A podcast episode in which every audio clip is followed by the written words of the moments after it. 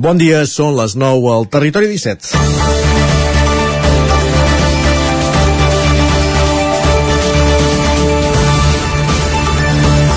El que va néixer com una activitat més d'un grup d'enamorats a la muntanya s'ha convertit 40 anys després en un certamen internacional de referència. El Festival BBVA de Cinema de Muntanya de Torelló projecta en aquesta població d'Osona des del passat divendres i fins aquest proper diumenge més de 40 produccions d'arreu del món. Entre aquestes hi ha tres estrenes mundials, demostrant un cop més que s'ha convertit en una cita imprescindible en el seu gènere. Explicar l'èxit d'un festival com aquest no és fàcil. Al darrere no només hi ha Joan Salarí, que han estat el director des del primer dia i que n'és l'ànima, sinó tot un equip que s'ha anat formant al seu costat. També explica l'èxit d'un festival tan especialitzat en un gènere com és el cinema de muntanya, l'ambició. A Torelló hi han passat referents mundials de l'alpinisme com Kurt Dienberger o Edmund Hillary, o s'han anat a buscar directors de cinema per animar-los a estrenar els seus films. Durant aquests anys s'ha sabut adaptar a les noves realitats de les primeres produccions, el més important era potser el testimoniatge, s'ha passat a films enregistrats amb uns recursos humans i tècnics que fa uns anys eren impensables. Però alhora s'ha sabut preservar l'essència dels films que transmeten els valors del respecte cap a la muntanya, fins i tot per davant de les grans gestes. El nom de Torelló s'ha projectat al món durant tots aquests anys i també ha sabut implicar el poble en un esdeveniment que atrau visitants de tot arreu. Un exemple és el Torelló Mountain Wines, on dissabte es podien degustar vins de muntanya. Mai s'ha caigut a la temptació de traslladar el festival a, un gran, a una gran ciutat. Segurament l'experiència no hauria estat exitosa perquè l'arrelament a Torelló és precisament part de la seva idiosincràsia. La pandèmia també ha tingut els seus efectes en el festival perquè les pel·lícules que s'han presentat aquesta edició van ser rodades entre els anys 2020 i 2021 en ple efecte del coronavirus, un moment en què gairebé no es podia viatjar i es van haver d'ajornar moltes gravacions. Això ha influït en el nombre de produccions que s'han presentat. Per primera vegada, la cartellera compta amb 10 produccions realitzades a l'estat espanyol, 6 de les quals fetes a Catalunya i en, una, i en llengua catalana. És dijous, 17 de novembre de 2022. Comença el Territori 17 a la sintonia d'Ona Codinenca, Ràdio Cardedeu, la veu de Sant Joan, Ràdio Vic, el 9 FM i ja sabeu també que ens podeu veure a través del 9 TV, Twitch i YouTube. Territori 17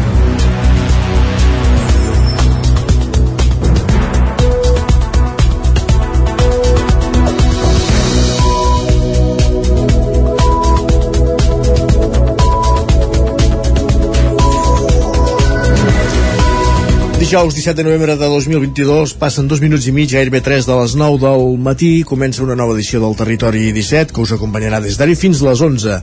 De quina manera, amb quin menú? Doncs us l'avancem tot seguit. En aquesta primera mitja hora repassarem les notícies més destacades de les nostres comarques, el Vallès Oriental, l'Osona, el Ripollès i el Moianès. Ho farem en connexió amb les diferents emissores del Territori 17 Repassarem la previsió del temps de la veu de Pep Acosta i abans de dos quarts farem un cop d'ull a les portades que avui trobem als quioscos, les portades dels diaris.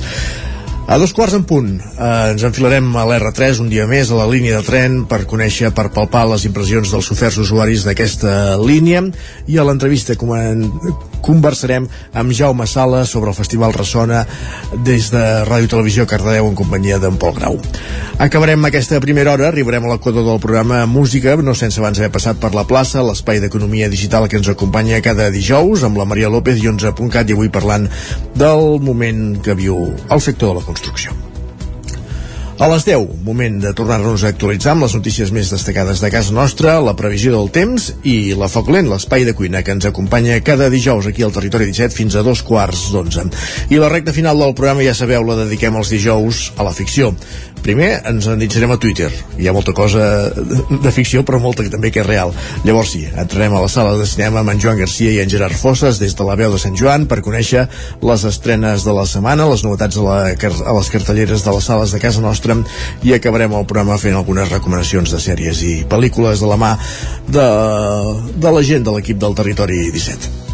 Tot això des d'ara fins a les 11. Per tant, sense més preàmbuls, el que hem de fer és començar, com dèiem, amb les notícies més destacades de les nostres comarques, el Vallès Oriental, Osona, el Ripollès i el Moianès.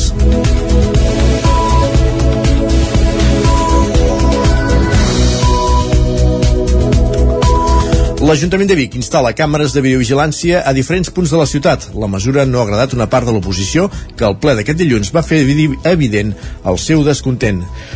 Sergi Vives.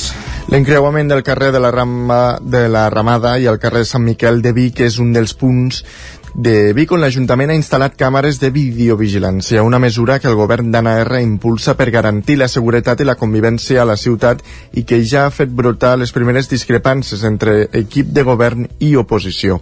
Unes discrepàncies que dilluns van fer evidents des del grup Capgirem Vic. Carla Dinarès, portaveu del grup, va lamentar que Junts per Catalunya solucioni conflictes socials endèmics de la ciutat, com pot ser el tràfic de drogues, amb la instal·lació de càmeres de seguretat, una mesura que assegurava no acabarà amb els conflictes, sinó que els desplaçarà no veiem gaire clar que la solució sigui posar quatre càmeres a quatre cantonades de la ciutat, bàsicament perquè ja els hi avancem que llavors els problemes el que fan és desplaçar-se a la cantonada del costat on, on cau en angle mort. Entenem que això doncs, pot comportar que, que si aquest és el criteri, doncs cada vegada hi hagi més càmeres no? i quan tinguem tota la ciutat monitoritzada ens haurem de preguntar amb què passa amb la privacitat de les persones, que és un, una de les problemàtiques que, que, que manen d'aquests d'aquests sistemes de vigilància. Des de Capgirem Vic asseguren que la solució no passa per incrementar la presència policial o d'altres mesures impulsades en els últims anys com la incorporació de la patrulla canina al cos de, guarda, de la Guàrdia Urbana, ni tampoc per instal·lar càmeres de videovigilància. Al ple d'aquest dilluns, els anticapitalistes recuperaven una idea que han posat damunt la taula al llarg dels últims anys, contractar un equip potent d'educadors i educadores socials de carrer. Sentim a Carla Dinares. Se n'extreu el que els hi hem demanat moltes vegades, que és que es tingui un equip eh, molt potent d'educadors de, socials de carrer. Això que ara apareguin aquestes càmeres, diguéssim que Vic fa molts anys que no, no hi teníem. Ens recorda el que en el seu moment vam dir quan va aparèixer la, la patrulla canina, no? que sempre hem discrepat una mica. En el seu moment vam ser crítics i de fet doncs, bueno, al cap de pocs anys eh, no només no s'ha solucionat res, sinó que el problema doncs, ha anat augmentant. En resposta al prec de Dinares, la regidora de Convivència i Seguretat del consistori Bigatà, Elisabet Franquesa, va aclarir que les imatges les gestionarà directament la Guàrdia Urbana i que s'utilitzaran exclusivament quan sigui necessari. Uh, quina empresa ho gestionarà? Uh, senzillament s'han comprat aquests elements, s'han instal·lat i es connecten directament a la comissaria de la Guàrdia Urbana eh, van directe a comissaria. Les imatges no queden emmagatzemades, queden emmagatzemades un temps prudencial i desapareixen automàticament, és un sistema automàtic, perquè justivaran les eh, imatges quan hi hagi algun fet puntual necessari. No queda una cosa registrada i per tant aquí la protecció de menors està tota eh, prevista. Algunes d'aquestes càmeres es poden trobar a alguns punts del nucli antic com el carrer Manlleu, però també a barris de la ciutat com el de Santana o el Remei. Gràcies, Sergi. Més qüestions. Mollorà obrirà la primera escola d'atracció animal del país. Aquest sistema de conreu està en alça entre els mètodes de l'agricultura ecològica. Caral Campàs, una codinenca. La primera escola d'atracció animal començarà les classes a finals de gener. Al seu capdavant hi ha en Bernat Torres, president de l'Associació Catalana d'Atracció Animal. Ell fa temps que cultiva i fa treballs al bosc amb aquest mètode i té clar que fer-ho té avantatges. Ens hem allunyat molt, no? el, el fet de, de treballar amb maquinaris ens ha permès fer algunes coses que potser agronòmicament no serien factibles o no serien les millors mirant a llarg termini pel benestar del sol, per una sèrie de coses, i el treballar dels animals ens fa retornar en aquesta realitat, a realment observar, saber com estem fent aquelles feines i per què les, les estem fent i sempre amb l'objectiu de cuidar la terra i de donar-li un benestar. El centre tindrà capacitat per a una dotzena d'alumnes. Molts d'ells són pagesos que han començat a fer servir aquesta tècnica com l'Enric Esteve, un agricultor de Castellterçol. I te n'adones que, que el treball amb l'animal no és, una, no és un atras, sinó al contrari, vull dir, és un, és, una, és un avenç per nosaltres, per la superfície que treballem, i que la petjada, o sigui, el, el tracte a la terra és molt, molt superior a nivell ecològic i sostenible mediambientalment. El pla formatiu contempla mòduls sobre alimentació, cures i sobretot una part important de maneig bàsic per aprendre a comunicar-se amb els cavalls i ases i entendre el seu llenguatge. Les inscripcions estaran obertes fins al 27 de novembre.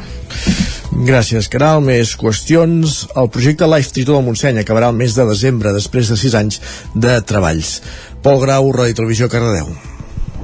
El projecte europeu Life Trito Montseny, liderat per la Diputació de Barcelona i portat a terme conjuntament amb la Diputació de Girona, la Generalitat de Catalunya, Forestal Catalana i So de Barcelona, arriba a la seva fi el proper mes de desembre, després de 6 anys de treballs. Va començar el setembre de 2016 i acabarà aquest desembre de 2022, després de dos anys de pròrroga i haver assolit 74 accions previstes per a garantir-ne la conservació. El tritó del Montseny és una espècie única i endèmica del Parc Natural del Montseny. Per cloure el programa, aquest dijous 1 de desembre, a la sala polivalent de Ceba, tindrà lloc una jornada en la que es farà balanç de les accions i estudis realitzats al llarg d'aquest temps, a càrrec de l'equip de científics, experts i col·laboradors que hi han treballat. En aquests anys s'han desenvolupat un gran nombre d'actuacions vinculades a la investigació i a la divulgació, així com intervencions en el territori, especialment aquelles que permetien garantir la connectivitat fluvial, la restauració d'hàbitats de ribera o assegurar el cabal de torrents. Els amfibis són una de les espècies més amenaçades i la seva presència és un indicador mediambiental bàsic per conèixer la qualitat de les aigües i de l'entorn natural d'aquests territoris. Així, la feina feta tots aquests anys ha portat a manifest que principalment per efecte de la hidrologia de la zona i del canvi climàtic, la situació d'aquest amfibis manté en perill crític d'extinció. Si bé això, la seva població és estable i el Consell Comarcal del Ripollès ha aprovat un pressupost d'11,8 milions d'euros pel 2023, que és un 9,4% més alt que el d'aquest any. Isaac Muntades, la veu de Sant Joan. El Consell Comarcal del Ripollès va aprovar al ple de dimarts un pressupost per l'any 2023 d'11,8 milions d'euros, que suposa un increment del 9,4% respecte al del 2022. Els comptes van rebre llum verda gràcies als vots de l'equip de govern format per Junts, el PSC i més, mentre que Esquerra Republicana i la CUP es van abstenir. El conseller comarcal d'Hisenda, Josep Maria Creixans va remarcar que s'incrementen les despeses de personal en un 4,6% fins als 1,7 milions d'euros perquè s'ha de preveure l'increment dels salaris dels treballadors contemplats als pressupostos generals de l'estat espanyol i s'hi incorpora la quarta i última anualitat de la valoració dels llocs de treball. Per sobre de tot destaca la partida de 4,1 milions d'euros destinats a cobrir el nou concurs del servei de recollida de residus. Així ho explicava Creixans. També en quant a la partida de residus s'incrementen un 12,51% degut al nou concurs del servei de recollida de residus i la partida de sanejament d'aigues s'incrementa un 5,46% per la reposició i millora de les edars, depuradores de la comarca. Aquesta és una partida molt interessant perquè ens paga directament de la Generalitat i serveix pues, per mantenir, per,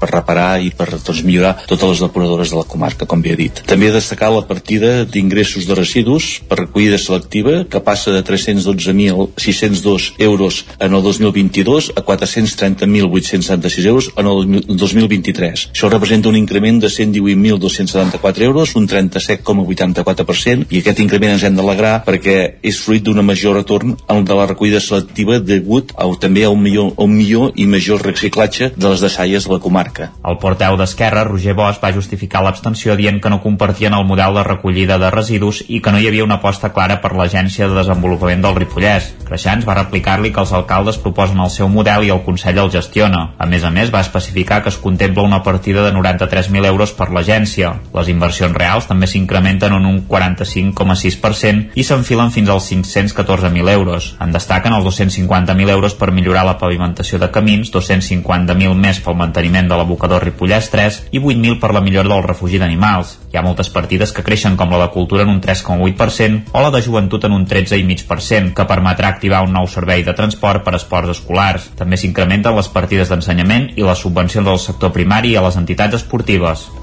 Gràcies, Isaac. La diputada socialista Marta Moreta demana a la regidora de Vic, Carme Tena, que torni l'acte de regidora després d'estripar el carnet del PSC. Acompanyada de la també diputada Alicia Romero, Moreta va visitar ahir diverses empreses d'Osona. Marta Moreta i Alicia Romero van estar a Vic, Centelles i a Manlleu, on van visitar les empreses gràfiques Manlleu i Presfarma. Segons Romero, entre els neguits que comparteixen la majoria d'empresaris hi ha l'excés de burocràcia i les dificultats per trobar personal.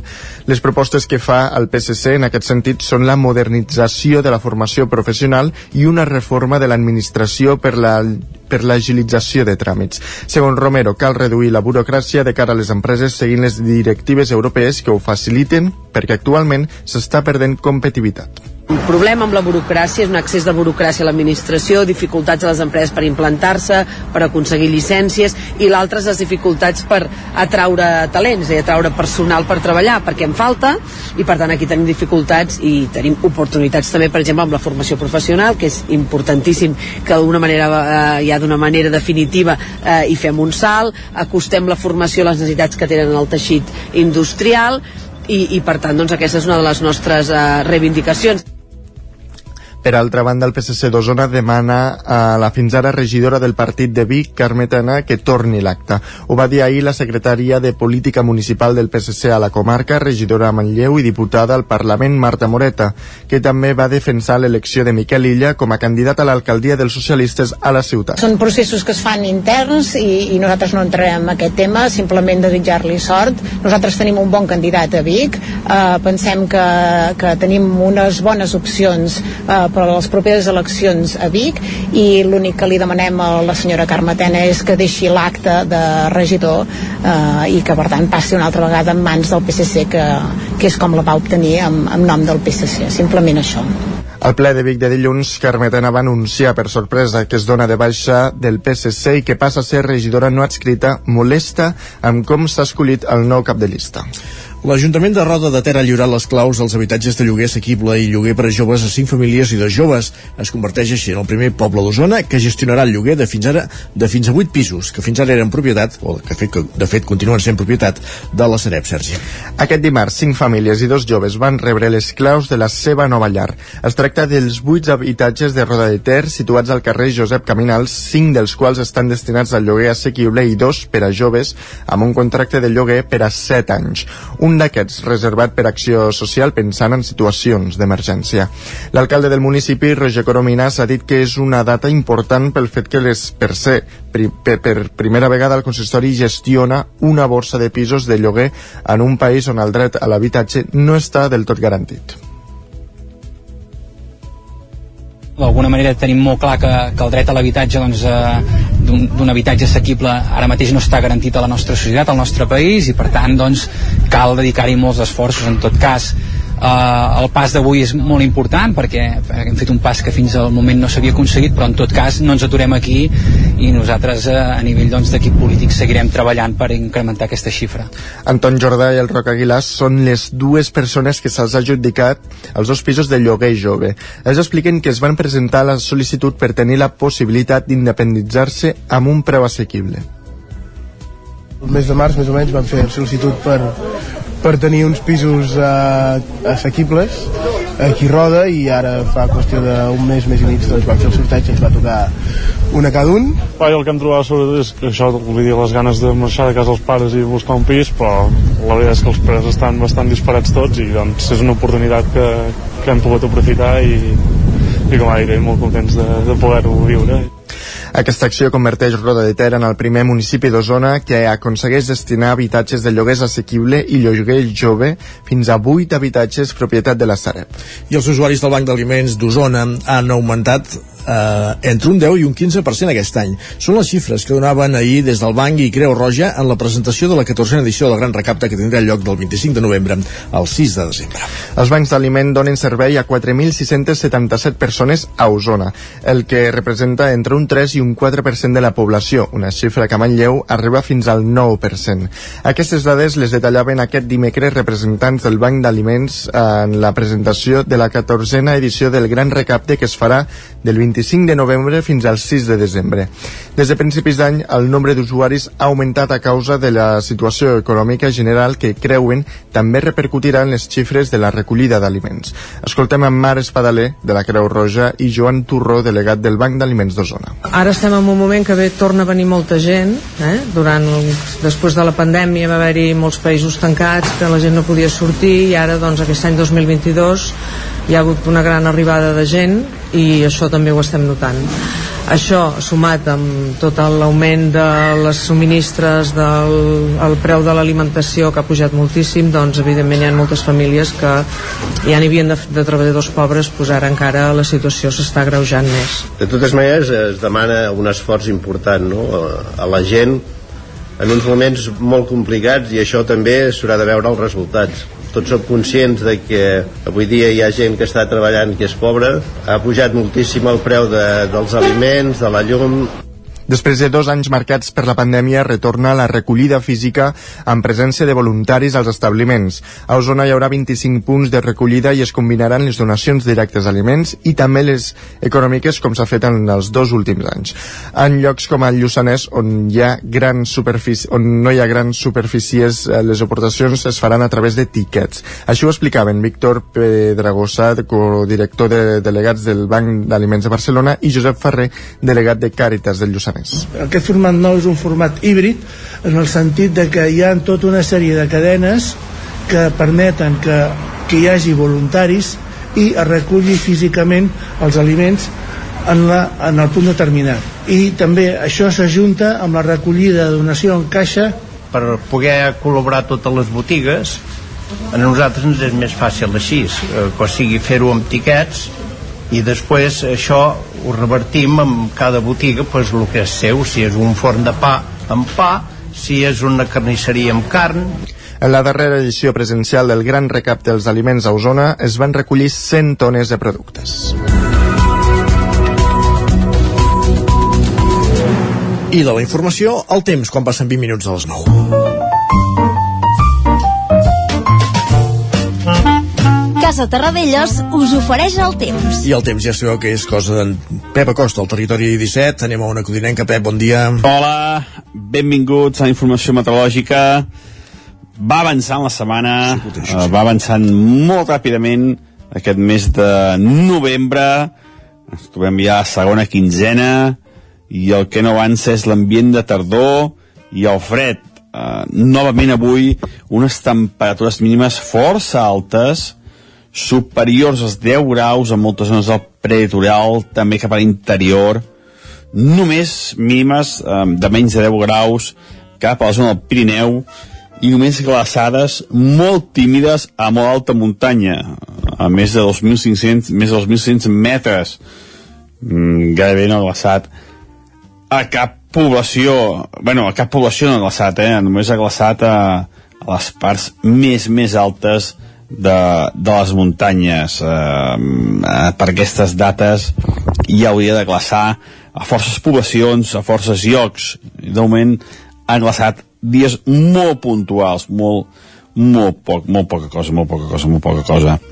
Uh, per què tenim aquesta temperatura alta ara? Doncs perquè um, hi ha molta nubositat, hi ha bastants núvols baixos, uh, humitat, i tenim un petit front que ens està portant vents de ponent. Aquests vents de ponent sempre eh, a les nostres latituds, les nostres comarques, al nostre país, és un vent eh, bastant sec i bastant descalfat. I això fa que la temperatura pugi. Per aquest motiu hi ha aquestes temperatures altes també aquesta nit i aquest matí. Eh, aquesta nubositat que tenim avui anirà més, anirà més durant el dia i a, i a la tarda nit ja quedarà força, força tapat. I atenció, que hi poden haver les primeres precipitacions aquesta nit. Um, precipitacions, uh, perquè aquest front que tenim avui se'n va i arriba un altre front uh, més actiu i més en vent de nord, que serà... Uh, que, que sí que provocarà que hi hagi un canvi de temps. Uh, uh, aquesta nit les, les precipitacions encara seran bastant escasses, demà farem un recull de litres, però crec que de moment a Castell seran bastant escasses les pluges. On més plourà i nevarà és cap a zona del Pirineu. Uh, cota neu començarà a 2.300 metres i aquesta nit anirà baixant a 1.700-1.800. Nevada molt tímida al Pirineu Oriental, al Pirineu nostre, d'un a 5 centímetres uh, de neu, per tant, poca cosa, i les precipitacions, les precipitacions igual, d'un a 5 uh, litres eh, poca, poca, eh, poca cosa, poca pluja. Però eh, sí que aquest, aquest front obre les portes a vent de nord, eh, vent de nord que serà força més fresc i encara, i per fi, per fi, hi haurà una baixada de les temperatures. Aquesta nit ja es notarà que aniran baixant les temperatures. Però de moment, eh, eh, avui, les, les temperatures eh, màximes seran molt semblants als d'ahir, entre els 18 i els 23 graus de temperatura, les màximes, la majoria. però que deia, eh, a partir d'aquesta nit començaran a baixar per fi les temperatures amb aquest front amb aquesta entrada de vent de nord, que esperem que, que demà al matí l'ambient sigui bastant més fred del que hi ha avui. Veurem, veurem al matí quants litres han caigut ja la nit i veurem les temperatures al matí si han baixat força, que esperem que sí, i que ja siguin més semblants al que havia de tocar per a l'època de l'any. I això és tot, a disfrutar el dia d'avui, a disfrutar aquest front avui desgastat, i a veure si aquesta nit ja podem disfrutar una mica de pluja i una mica més de fred. Adeu! Intentarem disfrutar-ho tot. Gràcies, Pep. Parlem d'aquí una estona. Nosaltres avancem al territori 17 i anem ràpidament cap al quiosc. Casa Tarradellas us ha ofert aquest espai. Sense massa temps, Sergi, tenim dos minuts per repassar totes les portades, però en comencem, va. Doncs comencem per al punt avui que diu que hi ha una revifalla insuficient, expliquen que l'economia catalana recupera terreny però no atrapa l'escenari pre-Covid. I a més a més eh, també eh, destaquen que la NASA ha llançat l'Artemis I pensant establir una base al satèl·lit i mirar cap a Mart. El satèl·lit que és la Lluna, eh? Uh, sí. El periòdico destaca que la sanitat catalana també es planteja fer una vaga i destaquen també que l'OTAN alleuja la tensió i atribueix a Ucraïna el míssil caigut a Polònia. Molt bé. La Vanguardia destaca que l'escletxa en la llei del només sí és sí obre la via a l'excarceració d'abusadors i dels 50 segons en un passadís a una xerrada del sofà, la Vanguardia destaca d'aquesta manera la conversa que va tenir Biden i Sánchez. Caram. El... En un sofà, fins i tot. Sí, sí, molt, molt informal. Molt. Lara diu que el consens de, amb matisos del G20 inclou la Xina i deixa Putin més aïllat. I amb una fotografia destaquen que Polònia està posant filferros a la frontera amb Rússia. I anem cap a Madrid. El país destaca que la Seguretat Social planteja pujar la cotització màxima d'un 30% en 30 anys i també diuen eh, que la coalició tracta d'evitar un xoc entre el sí és sí. I avui l'ABC s'ha despertat amb un únic titular per la, uh, per la seva portada. Diuen que el gobierno va robar al Congrés informes contra la llei Montero. Carai. En fi. Qui, qui és aquest diari? L'ABC? L'ABC, l'ABC. Caram. I el, el Mundo diu que Sánchez avala a Montero amb 14 agressors afavorits per la seva llei, també fan la seva lectura. Sí. I la Razón destaca que la Moncloa apunta als jutges per tapar el fracàs de la llei del només sí és sí. Avui Montero, protagonista dels diaris de Madrid. Sens dubte, amb la reforma de la llei i que el que ha fet és que hi hagi ho interpreti per, per ser més lax encara amb els, amb els abusadors, amb els agressors. Uh, gràcies, Sergi. Fem una petita pausa tot seguit al territori 17. Re, 3 minutets i tornem. Passem per l'R3 i anem de seguida cap a l'entrevista. Fins ara mateix. El nou FM, la ràdio de casa, al 92.8.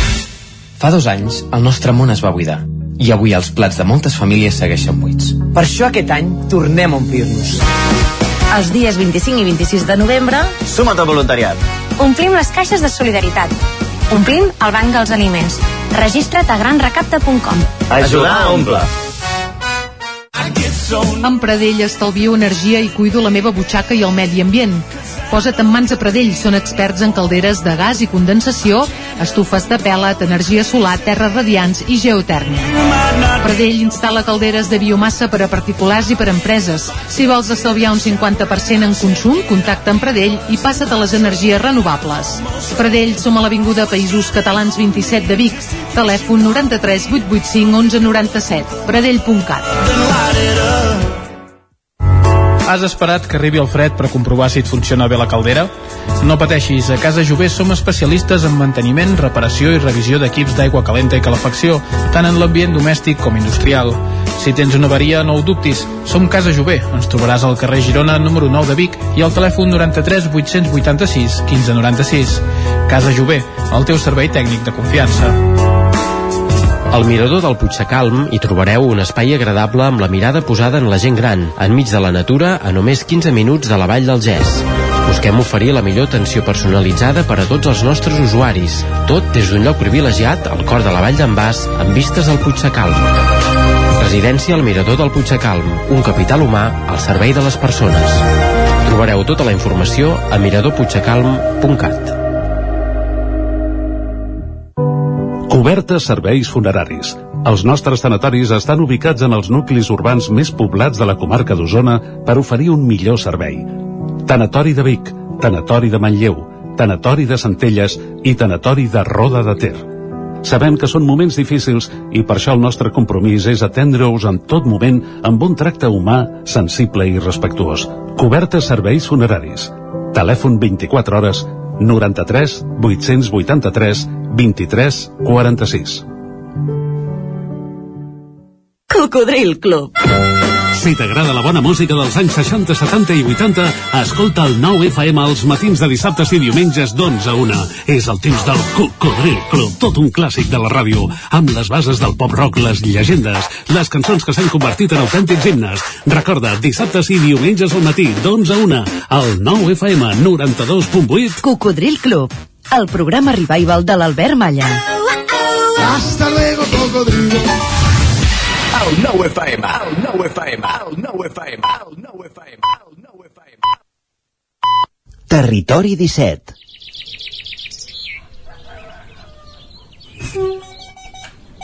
A Tren d'Alba. Cada dia els usuaris i usuàries de la línia R3 de Rodalies que veuen sortir el sol des d'un vagó ens expliquen les gràcies i les penes del primer comboi que uneix Ripoll i Barcelona o les feixugues jornades amb el tren després de treballar.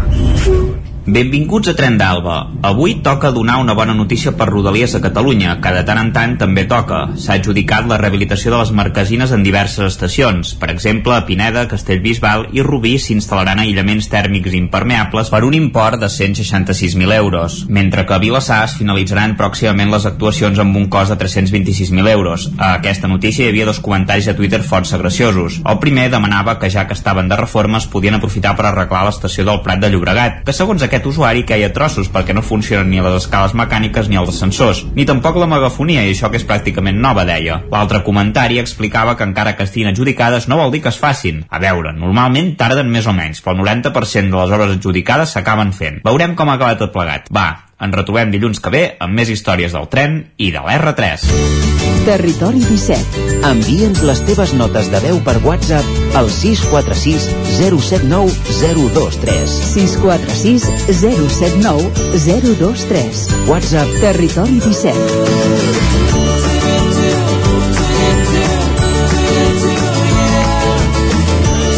Territori 17. Som a Facebook, Twitter i Instagram amb l'usuari Territori 17.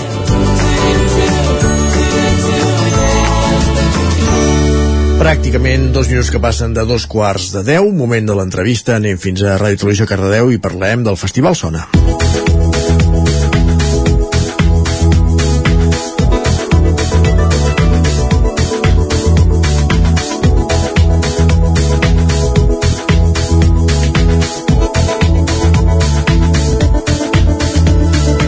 Avui a l'estudi de Ràdio Cardeu tenim a Jaume Sala, de l'agrupació coral cardedeuenca i coordinador del Festival Ressona de Cardeu. Avui ens ve a parlar, però, del que podrem gaudir aquest cap de setmana amb el Festival Sona, que s'emmarca dins el Ressona. Pol Grau, benvingut, bon dia, primer de tot. Bon, bon dia, bon dia, què tal? Bé, eh, bé, avui també estic ben acompanyat aquí a l'estudi, tenim el Jaume, bon dia. M'agrada. Hola, bon dia. eh, bueno, ens has explicar una mica el festival Sona que s'emmarcarà aquest cap de setmana aquí a Cardedeu, divendres i dissabte, i podrem disfrutar de música clàssica. Eh, abans de començar, i pel que ens estiguin escoltant i que no sàpiguen què és el, això del Festival Ressona o Festival Sona, ens podries explicar una mica què és? Bé, això vam començar el primer festival de, de, llavors en dèiem només Festival de Música de Cardedeu això del Ressona ja va ser més modern de fa pocs anys i va començar l'any 2000 era una inquietud que tenia la gent de l'agrupació coral de programar que hi hagués a, a Cardedeu una mica de música clàssica que la veritat és que n'hi havia molt poca. Vull dir, sempre es programa altres coses però la música clàssica costa una mica. I des de llavors doncs, hem anat fent camí. I la veritat és que bueno, estem molt contents. És la 23a edició. Només vam fallar l'any 20 per culpa de la maleïda pandèmia i aquí, aquí estem A peu de canó? exacte Una mica, expliqui'ns eh, eh, aquest Festival de Música Clàssica de Cardedeu, aquí podrem escoltar durant aquest cap de setmana, aquests dos dies que dura. Sí, mira, uh, comencem el divendres, o sigui, demà divendres a les 8 del vespre a la sala de les columnes de l'Ajuntament. Tenim dos grups.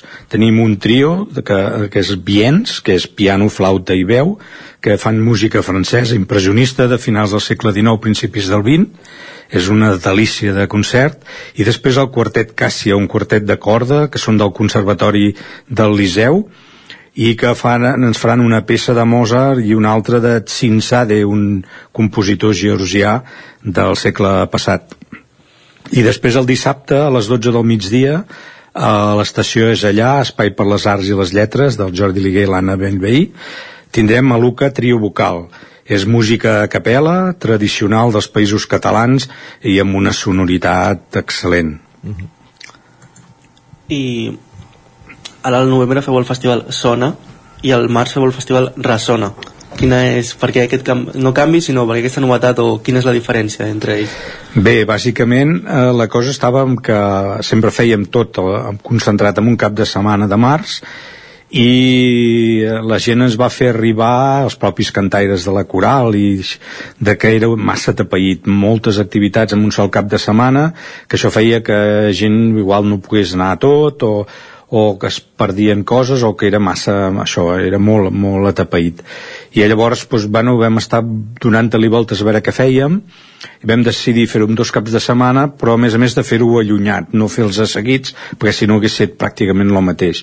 I llavors hem separat i a més li hem posat com nom no, diferent perquè es vegi que són el mateix però mm, diferent, no? el sona i el ressona i el sona vindria a ser eh, són concerts de prop i amb gent de prop o sigui, gent propera a nosaltres i que a més a més els tenim més a prop amb dos locals on hi ha poca gent i que els músics els tenim a, a tocar de la mà no? Uh -huh. i en canvi el ressona del març doncs ja és a l'auditori amb molta més gent i lògicament eh, amb catxers també més importants i, i hi ha una cosa més, més gran i més no, no més de qualitat sinó de més pes eh, eh, pel recorregut dels grups o pel que sigui. Tot aquest programa ja ens ho explicava abans, s'inicia a principis de, de segle, l'any 2000. Eh, com decidiu la programació, diguéssim, com es fa la selecció d'artistes, diguéssim, per participar cadascuna de les cites? El son aquest cap de setmana i el ressona al març. Bé, nosaltres comencem teòricament a, a mirar coses a, a principi de setembre, quan tornem de l'estiu. El que passa és que durant tot l'any anem rebent propostes. Ara ja, clar, és això, en 23 edicions, la veritat és que la gent eh, ens comença a conèixer i per tant ens envien ja moltes propostes i es tracta doncs, de bueno, anar, anar veient. Sempre hi ha d'haver-hi una coral o sigui això ho tenim clar, nosaltres som una coral i per tant sempre volem tenir una coral que, que per poc que sigui, sigui una mica de referent en aquest món i, i a més a més llavors altres grups i i bàsicament és això, és anar, anar escoltant propostes, gent que ha anat a sentir un concert de, i, i, i li ha agradat i ens passa perquè ens ho mirem i bueno, anem fent tria que a vegades és prou difícil perquè les agafaries totes. I, i, i només nosaltres som molt humils i en podem agafar molt poquetes però bueno, és la feina i està bé Uh, ens has parlat de, ara feu el, dels artistes que tenim aquest cap de setmana a Caradeu, el Festival Sona. No sé si ens pots avançar una mica el Ressona de març, quins dies serà i si pots dir els artistes ja. I tant, ja ho tenim tot, tot tancat i, i, i arreglat. Mira, sí. el, els dies que seran seran el divendres 24, dissabte 25 i diumenge 26 de març. I la veritat és que estem molt contents de lo que hem pogut eh, tancar i penso que tant al, al novembre com al març serà un festival molt, molt maco i que val la pena. El divendres 24 tindrem Keviart. Keviart és un quartet de saxofons que estan voltant per tota Europa, vull dir, són genials, i que fan música tant de compositors i mm, coneguts i reconeguts com pot ser Bach, però també d'altra música de, de compositors contemporanis que han escrit especialment per ells, per un quartet de, de saxofons. És una passada. El dissabte 25 tindrem el Claudi Arimany Quartet, que és música del barroc, eh, són els amics de l'Òpera del Vallès Oriental, i també serà un, un concert molt maco i a més ens fa molta il·lusió poder tenir el Claudi Arimany que és una persona del Vallès un músic excel·lent i que no hem tingut mai al festival i penso que ja toca poder-lo tenir. I el diumenge 26 eh, tancarem d'una forma brillant perquè ens fa també una il·lusió tremenda poder tenir el cor de cambra del Palau de la Música amb el cançoner popular contemporani que se celebra els 100 anys de l'obra cançoner popular de Catalunya i per tant serà un luxe poder-los tenir. I a més a més farem una prèvia amb el Jaume Iats que és el, el, que és el comissari de l'obra el que ha triat i assessorat en tot el tema del repertori i farem una bona xerrada amb ell que valdrà molt la pena. Això serà el mes de març, quan feu el Ressona. Aquest cap de setmana és el, Sona, amb concerts, amb recitals de més petit format. Un, eh, quin és el finançament de, de l'agrupació, diguéssim, a l'hora de, de fer aquest festival? Entenc que eh, compteu amb suport, de, com a mínim, de l'Ajuntament de Cardedeu. Sí, tenim diguem, eh, tres vies. Diguem, una que és la, la, la financiació pública, que uh -huh. tenim una ajuda de l'Ajuntament des del principi, que està molt bé, vull dir que no, no ens podem queixar, i, i, el, i ja el, ara des de fa uns anys podem contractar a través de, de programa.cat. Per tant, també això ens ajuda molt perquè hi ha uns percentatges que estan molt bé, per tant, podem sempre agafar catxers una mica més, més alts. Després tenim una part privada, que són patrocinadors, col·laboradors, que des del primer dia n'hi ha alguns que, que paguen una quantitat, ja és molt variable, cadascú, els que ens ajuden, doncs paguen el que, el que poden bonament, bonament. i després hi ha la l'altra financiació que és la, de, la del públic que ve ser una tercera part cada una o sigui, eh, lògicament només de taquillatge eh, seria impossible perquè és això, és, és una tercera part de, de la financiació no ens agradaria acabar l'entrevista sense parlar també de l'activitat la, de l'agrupació coral Car Cardedeuenca. En aquest cas estem parlant de, els, amb vostè com a organitzadors de, de, de festival, però, però també entenc que l'activitat passa per fer concerts. Eh, ara mateix, diguéssim, amb, amb quin projecte treballen? Bé, el, el, ara en aquests moments estem treballant per el, per al concert de Nadal, que farem una cantada de Nadales el diumenge 18 a l'església de Cardedeu, i el dia 23, al vespre, hi ha el cant de la Sibila, que ara ja s'està establint ja pràcticament consolidant de fer-ho cada any de la mà de l'Oriol Genís i el, i el Josep Castells i, i, el, bueno, i és, també és una, una fita important i de cara a, a juny bé és, penso que serà un gran treball que jo no sé si, si em correspon fer spoilers de lo que farem oh, tant, al sí. juny però ara, ara jo ho deixo Sí, bueno, pues, eh, bueno, farem una obra de, de Mendels, Mendelssohn que és guapíssima i una estabat mater de la, del Reinberger i acompanyats d'orquestra, per tant serà un juny espectacular que bueno, tots tenim moltes ganes ja de començar els assajos d'aquesta part que encara no toca, ara encara estem amb lo de Nadal uh -huh. però penso que serà un curs vaja, s'està sent un curs guapíssim i la Junta amb el president Alfons Riera al capdavant estan treballant moltíssim perquè tirar tot això endavant i la veritat és que se n'estan sortint de meravella. De quants cantaires consta a l'agrupació? En aquests moments som uns entre uns cap a 45, jo diria que estem rondant la, al voltant de 45 persones. Pels, pel que ens estiguin escoltant, si vulguin adquirir entrades o, vulguin seguir com per on, poden, per on es poden seguir? El... I adquirir entrades han de ser físicament o per internet poden adquirir-les? Sí, per, per internet. El, del dissabte pràcticament no n'hi havia, ja perquè clar, és que l'aforament és molt petit, de 70 persones. I sí que pel divendres encara en quedaven 8 o 10 vull dir que no, no, no masses tampoc. Hem de córrer ja sí, sí, sí, per, per, per internet a, a nosaltres amb el festival Festival Ressona si, bu, si es busca a Instagram o a, o a Facebook hi ha els enllaços de on es compren les entrades que és això de, amb la plataforma de l'Entràpolis. I si no, bueno, si, de, si venen a, al concert jo suposo que igual una cadira encara els hi podrem posar Jaume Sala, de l'agrupació Coral Cardedeuenca i coordinador del Festival Ressona de Cardedeu, gràcies per ser avui al Territori 17 i avançar-nos aquestes notícies, parlar del, del Sona que se celebra aquest cap de setmana i del Ressona, que ja teniu el programa tancat també pel mes de, de març. Sort amb totes aquestes iniciatives i gràcies un dia més per ser-hi. Moltes gràcies a vosaltres per deixar-nos eh, explicar tot això aquí a, a, a la ràdio. Gràcies també, Pol. Fins ara. Fins ara. Adéu. Adéu-siau. Nosaltres que avancem al territori 17 i no marxem gaire lluny de Ràdio Televisió Cardedeu. Fins ara hem estat parlant de, de música, de música clàssica, del Festival Sona, i ara toca parlar de, de nova economia. Anem tot seguit cap a la plaça.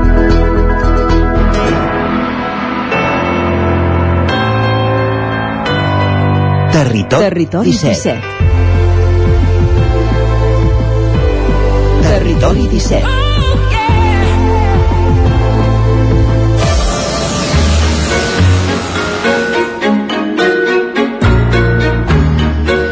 I avui a la plaça, l'espai dedicat a la nova economia que ens acosten cada setmana la Maria López des de Ràdio Televisió Cardedeu i 11.cat ens volem fixar en el moment que viu el sector de la construcció. Per tant, sense més preàmbuls, el que fem és anar cap a, tornar cap a Ràdio Televisió Cardedeu, no marxem gaire lluny d'on érem. Maria López, benvinguda, bon dia. Bon dia i benvinguts un dijous més aquí a la plaça, aquest espai, ja sabeu, on intentem aterrar i fer comprensibles per tothom els grans dilemes i els conceptes de la nova economia. I avui volem posar sobre la taula un tema que ara fa uns anys va ser un dels grans booms de l'economia al nostre país. Fem la mirada enrere, una mica en el temps, i recordem aquella bombolla immobiliària de fa ja quasi 15 anys. En aquell moment, parlar d'economia i d'habitatge era pràcticament el mateix, però quina és la situació avui dia? I més concretament, quina és la situació quan parlem de construir-nos una vivenda? Sabem quina informació hem d'anar a buscar? És o no una bona inversió? Tenim models de construcció sostenibles? Per parlar de tot això, avui ens acompanya l'Alfredo Acosta, ell és arquitecte tècnic i es dedica a fer projectes i direccions d'obra. Bon dia, Alfredo. Molt bon dia, moltes gràcies. Gràcies a tu per estar amb nosaltres i una setmana més també ens acompanya, com no podria ser d'una altra manera, la Gemma Vallet. Ella és directora d'Onze Discrit. Bon dia, Gemma. Bon dia, Maria. Gràcies per, per tot. Benvinguda a, a casa teva.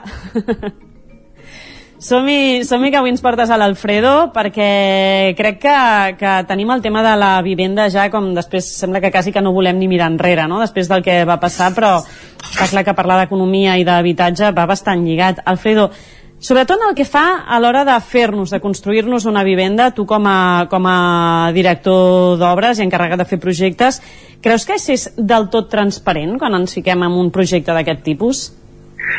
Bé, eh, bueno, la paraula potser transparent no? és, potser és una mica dura, però sí que és veritat que hi ha temes que queden ocults no? I, i, i, és, i algun cop és per ignorància. No? Llavors hi ha d'haver alguna persona que t'ho expliqui, que t'ho expliqui en detall i en claretat. I si això no succeeix, doncs, eh, bueno, ens, trobem, ens podem trobar sorpreses. Um, a mi m'agradaria explicar una mica, abans de, de profundir, una mica el context actual, no? Què tenim ara i cap a on anem. I si em permeteu, doncs sí, us explicaré. Endavant, endavant, Alfredo. Gràcies. El, el context actual, eh, què ens diu? Que la gent busca maximitzar, maximitzar beneficis, la competitivitat, i això ens porta a desequilibris i una, una economia que és una mica especulativa. Això col·lapsa, això col·lapsa i en, i en segons quins temes doncs això ja hem, hem arribat al punt de no retorn, crec.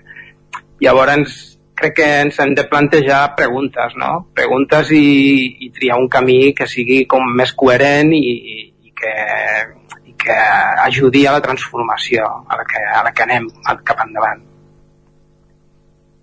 Quin seria aquest camí coherent, d'alguna manera? Com, com s'ha de plantejar un, perquè un, una construcció d'una vivenda és una cosa de gran envergadura, vull dir, no estem parlant allò de em compro o no em compro aquestes sabates, sinó que és un projecte bastant Clar. més gran. Cap on, en, en què ens hem de fixar o en què hem de vigilar amb aquesta mirada de futur, diguéssim? A mi, a mi hi ha una paraula que m'agrada molt, que és mutualisme. Eh, mutualisme, què vol dir? Que 1 més 1 és una mica més que 2. I llavors és una, anem cap a una intel·ligència col·laborativa. O sigui, hem de compartir, hem de trobar el punt d'equilibri en una negociació. Eh, el bé comú. Si, anem, si ens mirem el malic, doncs mm, crec que no, no, anem per, no, no, no anem bé. Llavors, bueno, eh, aquestes propostes han d'anar al nivell ambiental, social i econòmic. Eh, aprofitar els recursos naturals, i bàsicament, i els econòmics. Però clar, no sé si ja si totes les constructores van en aquesta línia avui dia, o vull dir, aquesta mirada més de sostenibilitat, quasi podríem dir, no? No, no, comença a ser tendència, comença a ser tendència, eh, però no, realment la promotora clàssica doncs mira això, eh? metres quadrats, rentabilitats, eh, bueno, especulació pura i dura. I que sí que... Els números de... Ah, exacte, exacte. Llavors, eh, en una promoció, en una llar, que després, si voleu, us comento la, la, la meva diferència entre habitatge i llar, no? Són els intangibles, o sigui, la part tangible són els materials, eh, els colors, no? però crec que hi ha una part d'intangibles quan tu construeixes una casa, no? L'energia que circula, eh, bueno, llavors sí que hem de mirar, hem de posar interès en aquests temes i, i aquí, aquí, aquí estem nosaltres. Oh, podríem dir d'alguna manera amb la Gemma cada setmana rescatem els temes de la nova economia, les noves tendències, eh, cada setmana ens sorprenem no? amb, amb coses, doncs això, segurament quan va haver el boom immobiliari ningú s'imaginava que en 15 anys, alguns sí, jo des de, de segur que no, no m'imaginava que hi haurien criptomonedes al cap de 15 anys, perquè ens fem una idea. No? En l'habitatge podríem dir que ha passat exactament el mateix. La nova economia de l'habitatge, el nou sistema a l'hora de construir va per aquesta línia, passa també per una cosa menys especulativa, eh, menys de moviment econòmic i més de pensar en, en, en el bé comú i en la sostenibilitat. I després no crec que hi hagin masses constructores no, amb aquesta filosofia? O, o és una tendència més general del que jo em sembla perquè encara tinc aquella mirada uh, xunga del 2008 van sortint, van sortint mica en mica, no hi ha gaires però sí, sí que van sortint val? Uh, el, hi ha, hi ha promotores, eh, després us explicaré una mica la meva història, si voleu, però sí que eh, posa al centre eh, el protagonisme en, en, en la persona, la persona que, que viurà allà dintre i sobretot la vida, la vida que, que rodeja. Eh, en, el moment, en el moment que tu poses eh, com, com valor en, a la persona, llavors tot flueix i, i surten, surten oportunitats. No? Mm, com us explicaria? Uh, hi, ha, hi ha un concepte que m'agrada molt, que és la traçabilitat. La traçabilitat és, uh, del, dels processos és, és que um, ser coherent, ser coherent en cada una de les parts que formen el procés, no? de quan fas un projecte o, o una casa en aquest cas. Llavors, si tu valides la traçabilitat, doncs estàs, estàs sent coherent amb, amb, amb el projecte que vols, que vols tirar endavant. Mm -hmm. D'alguna manera és aquest pas de posar a la gent al centre, entenc. Gemma, endavant.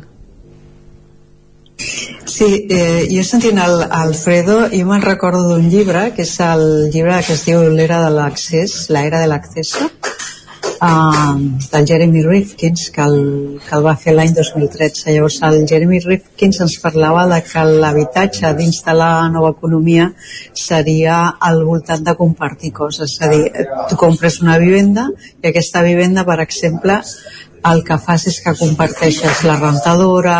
O sigui, hi han coses que normalment te les compraves eh, tu sol i el que fas és aquestes coses les compres de, de forma sostenible sí? i comences a compartir per això es diu també l'era de l'accés perquè tu accedeixes per exemple imagina't, fem servir tu i jo la, la, la rentadora som veïnes i el que tenim és un model de subscripció de la rentadora. Jo tinc per 10 rentats i tu tens per, per 15 rentats, per exemple. I el que nosaltres no ens encarreguem és del manteniment d'aquests objectes que tradicionalment doncs, era una despesa i a més a més tenen un impacte molt, molt alt a nivell sostenible.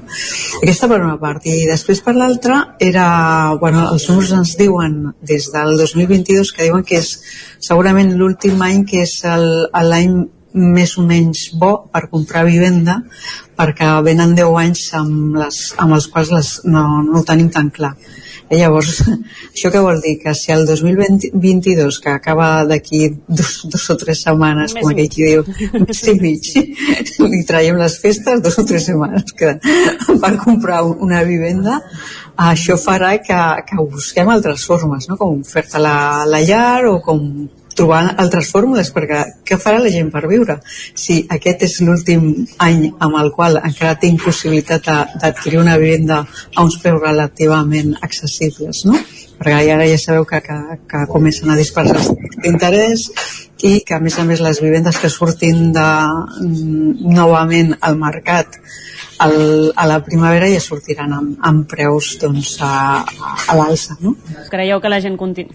aquesta proposta que va més en el sentit de compartir habitatge pot anar agafant força en un país com el nostre? Eh, sí, sí, penso que sí. De fet, crec que a Europa, a altres, a altres països d'Europa, ja, aquesta pràctica ja funciona i crec que, bueno, pues, arribarà, arribarà aquí, sí, sí. Sí, sí. Però estem parlant, a veure si, si, si jo ho entenc bé, de bàsicament adquirir, comprar una vivenda amb, amb diguéssim, col·lectivament, no? Amb gent que potser ara ens ho, estable, ens ho plantegem només com en grup família, estaríem com ampliant aquesta mirada a altres persones fora del teu nucli familiar per adquirir una vivenda? Sí, sí, bueno, sí. Eh, cohousing, eh, hi ha una variable que és el cohousing i, bueno, doncs, es tracta d'això, de, de un grup crear un habitatge o un, o un grup d'habitatges i compartir, compartir serveis comuns i, bueno, respectant la, la privacitat i la intimitat i una part de la teva vida doncs, serà compartida amb serveis, la bugaderia, eh, la coberta verda, bueno, molt interessant, molt interessant. I, bueno, doncs, eh, us parlaré d'economia humana, que és un grup amb el que treball, si em permeteu, i sí, sí. bueno, comencem a... estem arrencant una promoció a Sabadell d'habitatges eh, i tenim molta il·lusió i crec que, que sí, que, que serà una cosa superinteressant. Super Com funcionaria aquest grup d'habitatges o què, què té d'alguna manera de singular? La singularitat és que eh, això, no? que respectant la privacitat de cada persona, no? Tindràs la teva cuina, tindràs el teu, la teva habitació, el dormitori, el menjador, però eh, la idea és crear una comunitat eh, i cohesionar una, una comunitat eh, entenent els criteris i les habilitats de cada persona i generar i generar eh, doncs, oportunitats, oportunitats de, pues, de col·laborar i formar una comunitat en aquest edifici. Eh, jo us proposo que un altre dia, si, si us ve de gust, doncs explicar això i en detall perquè crec que és super interessant. Alfredo, Gemma, moltíssimes gràcies a, a tots dos per acompanyar-nos avui a la, a la plaça, explicar-nos una mica aquesta nova tendència d'habitatge i ens guardem aquestes ganes de saber una miqueta més per una, per una propera secció, d'acord? Moltíssimes gràcies. Gràcies també, Maria, per aquesta nova edició de La Plaça, avui centrada en l'habitatge i com serà l'habitatge del futur. Arribarem al punt dels 10, com procurem fer cada dia amb música, i avui amb una nova estrena la cantautora penedesenca Anna Roig publicarà l'any 2023 un nou treball discogràfic, que serà el mes de març, un treball que portarà per títol Aportar bellesa al món, després de força anys eh, sense tenir notícies d'Anna Roig. Com dèiem, ara torna amb aquest nou treball discogràfic del qual podem escoltar una primera cançó. Una abraçada de mare. Anna Roig, al Territori 17, fins a les 10. Una abraçada de mare que diu que tot està bé que diu que ho estàs fent bé, tot i les ensopegades. Una abraçada de mare que et diu que te'n sortiràs. Si no et surt, ja ho aprendràs. Si cal, prova-ho mil vegades. Una abraçada te la pot fer qualsevol, però no amb aquell consol de quan t'abraça una mare. Qualsevol, però no amb aquell consol de quan t'abraça una mare.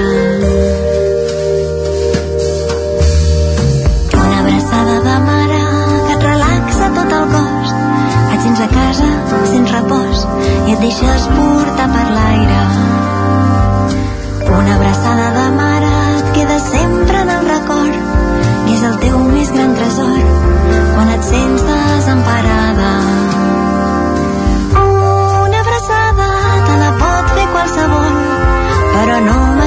aquell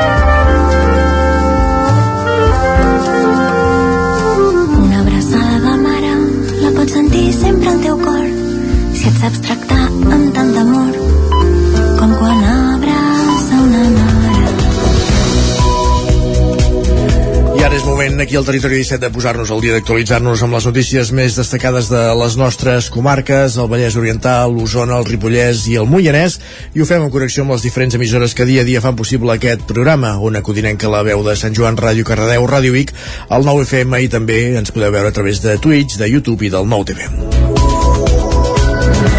El Departament de Territori reduirà de 80 a 60 km per hora la velocitat màxima a la carretera de Santa Agnès. Pol Grau, Ràdio Televisió, Cardedeu. El Departament de Territori reduirà la velocitat màxima permesa al tram de Sant Agnès de Malanyers, dels 80 km per hora permesos actualment, a un màxim de 60. També instal·larà bandes reductores de velocitat del ferm i no senyals verticals en fons reflectors en la zona de la Cruïlla, entre aquesta carretera i l'Avinguda Antoni Gaudí, que és la que dona accés al poble. Tot això ve donat per l'accident mortal de dimarts de la setmana passada, on va morir un motorista de 30 anys i veí de Mataró. El mateix dia, veïns i veïnes de Santa Agnès van tallar la carretera, un tall que van repetir aquest dilluns a la tarda. Arran de l'accident, l'Ajuntament va reclamar també una actuació urgent en aquest punt, on fa tot just un any s'havien pactat ja millores de seguretat que no s'han executat. A banda d'aquestes intervencions a curt termini, s'ha adoptat el compromís de seguir intervenint amb accions de més abast. No s'han tancat perquè encara s'han d'estudiar exhaustivament, recull el comunicat. Hi ha diverses alternatives. La instal·lació d'un radar per controlar la velocitat, la millora de la senyalització horitzontal i la construcció d'una rotonda a l'enllaç. Aquesta darrera és l'opció que reclamen els veïns de Santa Agnès. Gràcies, Pol. Canviem de qüestió. Fomentar el joc lliure d'estereotips.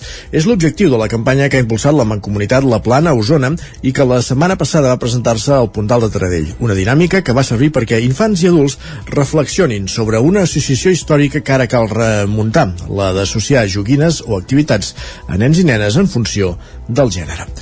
Sergi Vives sortir a fora l'aula i escollir una joguina. És la primera consigna que van rebre els participants, infants i adults, de la, de la, de la dinàmica de l'educador Aleix Blancafort que va desplegar la setmana passada a l'Espai Jove el Puntal de Taradell en el marc de la presentació de la campanya A què juguem, tot començant el joc, que ha impulsat la Mancomunitat La Plana.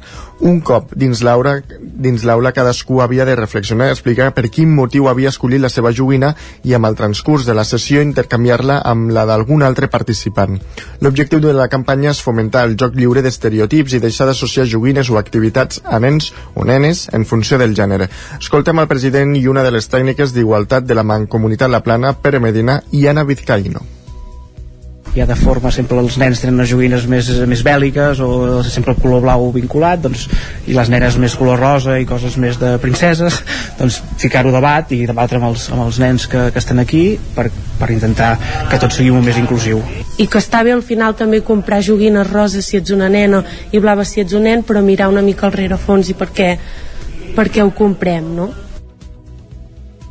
La campanya que es presenta a les portes de Nadal es continuarà desplegant al llarg dels propers mesos. Serà visible a cartells que lluiran als equipaments públics i de lleure de la Mancomunitat, però també a través d'imatges a les xarxes socials i d'un joc per infants, un sabater. Això ho explica Bet Pol, tècnica d'igualtat de la Mancomunitat.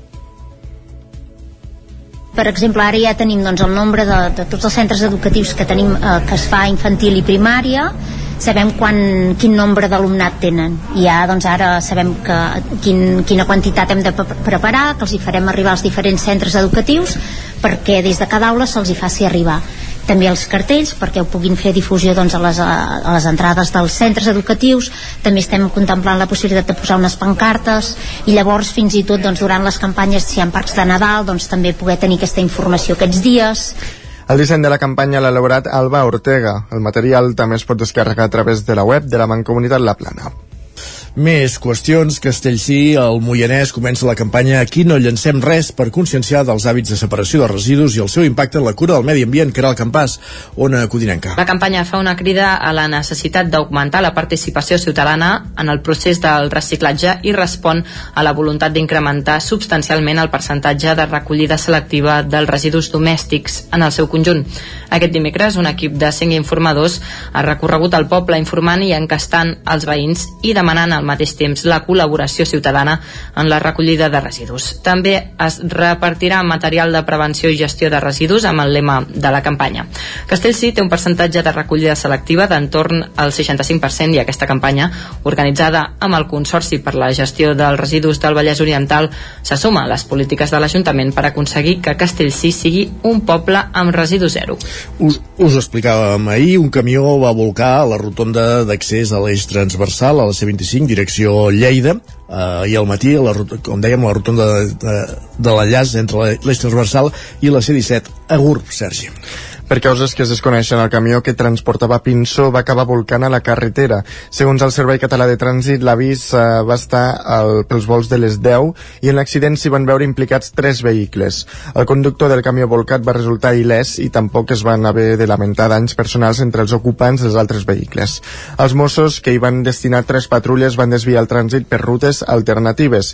En l'atenció a l'accident també hi van participar el SEM i els bombers. Més qüestions. Els vestidors del camp de futbol de Ripoll estaran acabats a mitjans del mes de març després de diversos endarreriments. És l'última data prevista. Isaac Muntades, des de la veu de Sant Joan. Si no hi ha cap imprevist ni impediment d'última hora, ja hi ha data prevista perquè les obres dels nous vestidors del camp de futbol de Ripoll estiguin acabades. Aquest dijous hi ha una visita d'obres i s'assignarà un document en què l'empresa constructora es comprometrà a complir els terminis establerts i l'Ajuntament tindrà la potestat de posar-los una sanció per cada dia que s'allarguin. Així doncs, els treballs s'haurien d'acabar el 19 de març de l'any vinent i el consistori recepcionaria l'obra a principis d'abril. Fa un parell d'anys que el projecte va començar i si no s'hagués produït la pandèmia ni l'augment de costos i la falta de materials derivats de la Covid-19 i la guerra d'Ucraïna, els vestidors ja estarien acabats des de fa 3 mesos. L'actuació ja duia un mes de retard, però en va acumular un parell més perquè va sortir una llei estatal que permetia a les empreses revisar els preus de les obres i moltes obres públiques de Catalunya van quedar paralitzades. Materials com la fusta o la planxa van pujar molt de preu i el cost dels vestidors passarà de 520.000 a uns 700.000 euros. El regidor d'Esports, Josep Isern, va recordar que l'espai comprèn uns 700 metres quadrats i també conté una sala polivalent que permetrà instal·lar-s'hi al tenis taula. Són 150 metres quadrats i 3 metres d'alçada per complir la normativa que marca la Federació d'aquest esport. L'edifici té uns 70 metres de llargada per 9 d'ample i té moltes altres sales. Hi ha una sala on hi haurà doncs, tota la part de, de, de camilla, servei met- metge, llavors hi ha uns vestidors per àrbits, llavors hi ha dos vestidors petits, petits entre cometes, perquè són molt més grans que els que tenim ara, per, per equips doncs, de futbol 7 o, o de futbol 11, però a nivell d'infantil o juvenil, i llavors hi ha dos, dos macrovestidors, aquests es poden partir en dos si fes falta. I llavors hi ha doncs, les sales, doncs, evidentment, de material nostre, hi ha les sales de calderes, etc etc. L'Ajuntament també va arribar a un acord amb les entitats que utilitzen el camp de futbol per fer una reforma dels lavabos públics que hi ha als vestidors vells. Es farà una altra reforma dels dos vestidors que estan en millor estat i la resta d'espais serviran per guardar-hi material o perquè les entitats hi puguin fer reunions de junta.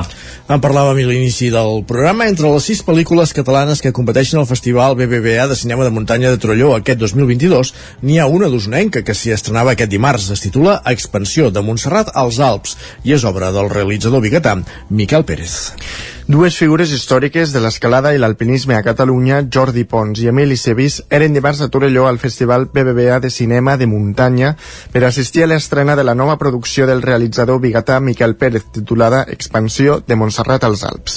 El director usonenc hi recull el període entre 1955 i 1975, l'època dels inicis de l'escalada moderna a Catalunya, un moment d'eclosió que s'emmarca en el moviment que hi havia a tots nivells en l'etapa final del franquisme. que és quan s'obren les, la, pel mig les vies eh, amb les parets més grans de Montserrat altres parets de la resta de Catalunya amb zones que, que, que, que s'inauguren de cara a l'escalada també en aquest moment i també a més a més és el, els inicis doncs, de les repeticions de les grans clàssiques dels Alps per part d'alpinistes catalans és, l'acabament eh, de, de, de, de, de, de les restes de la, de, la, de la guerra civil espanyola i per tant doncs, bueno, es viu un moment extraordinàriament interessant àlgid i es viu en a, tots, en, en, en a tots els registres i en el de la muntanya també. Pérez ja està treballant en un nou projecte, el de les primeres expedicions catalanes fora d'Europa, que va culminar amb els primers cims de 6.000, 7.000 i 8.000 metres de la història de l'alpinisme català. Fites que van tenir Jordi Pons i Emili Civís entre els protagonistes. Escoltem a Civís. després de venir d'una època que només hi havia notícies quan hi havia un accident, avui dia que hi ha gent que fins i tot sigui capaç de poder muntar una pel·lícula amb una història que defineix i resum l'alpinisme entre els anys 50 als, als, fins avui dia, no? El 40è Festival BBVA de Cinema de Muntanya continua fins diumenge. Entre els plats forts d'aquest dimecres hi ha la projecció de Dra Daulagiri Ismaïevres de l'eslovac Pavol Barabas, el director que ha recollit més premis al certamen. El palmarès d'aquesta edició es farà públic dissabte a les 7 de la tarda a la sessió de clausura. I encara un últim apunt cultural i de fet cinematogràfic, perquè el manlleuenc Ferran Domènech ha dirigit el documental Coban aixecar-se una producció del col·lectiu Cabar Negre que es va rodar durant els dos anys que Domènech va viure a la zona de Rojava, al Kurdistan sirià.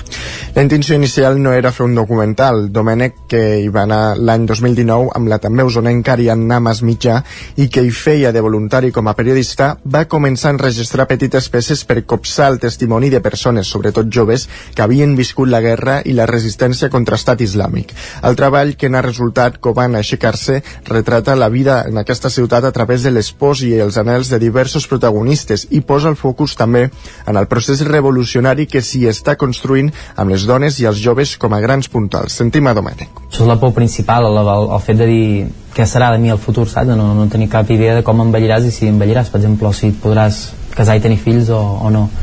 Llavors hi ha molta gent que pensa en marxar a Europa, poder. Han passat una mica de la idea de, de lo que era Rojava, que és la, era la part tradicionalment kurda, no? perquè ara, després d'alliberar trossos de, de, de terreny d'estat islàmic, també han incorporat zones de majoria àrab, i llavors promouen això, no? com un, una, una convivència entre els diferents pobles que, que viuen en aquest territori clar, això és molt revolucionari a Orient Mitjà perquè és algo que sempre hi ha hagut guerres allà sempre han estat enfrontats doncs, unes ètnies amb les altres per motius religiosos el problema és que això molta gent no els agrada i llavors ningú el reconeix, no? El documental que es va estrenar al Festival Protesta s'ha presentat ja a diversos festivals internacionals. Gràcies, Sergi. Acabem aquí aquest repàs informatiu que començàvem al punt de les 10 en companyia d'Isaac Montada, Sergi Vives, Caral Campàs i Pol Grau. Moment al territori 17 de conèixer la previsió del temps.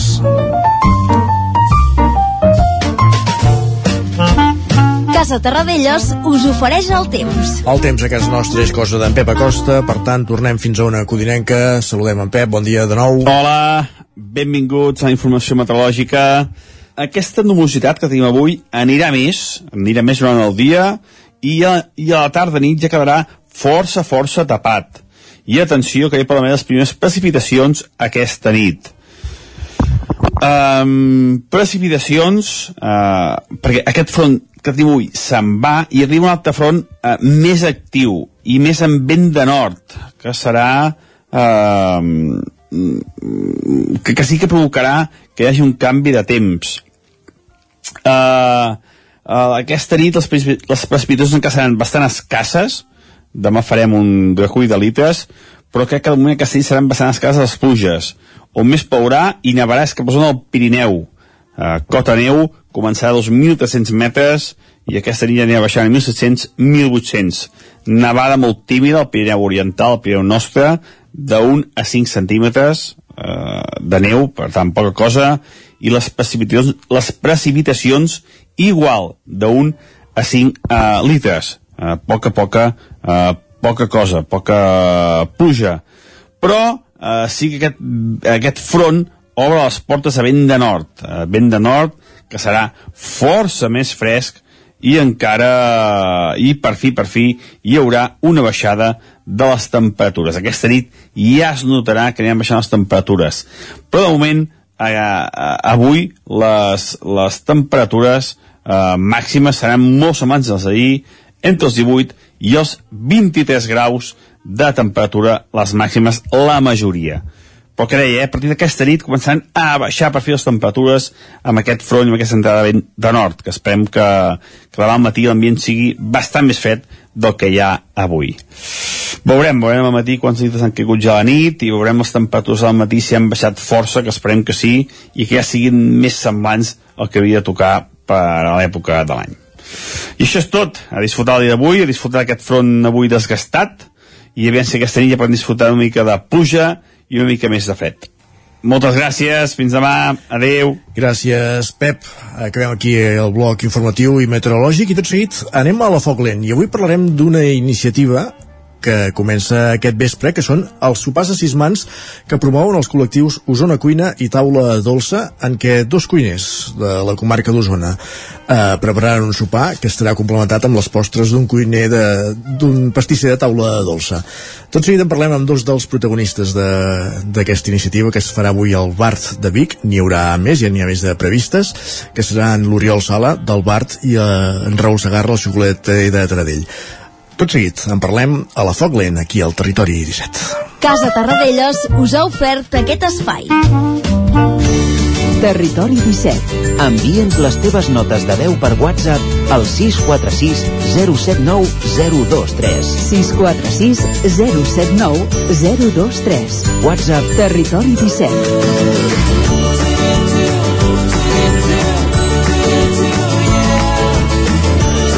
Territori 17. Som a Facebook, Twitter i Instagram amb l'usuari Territori 17.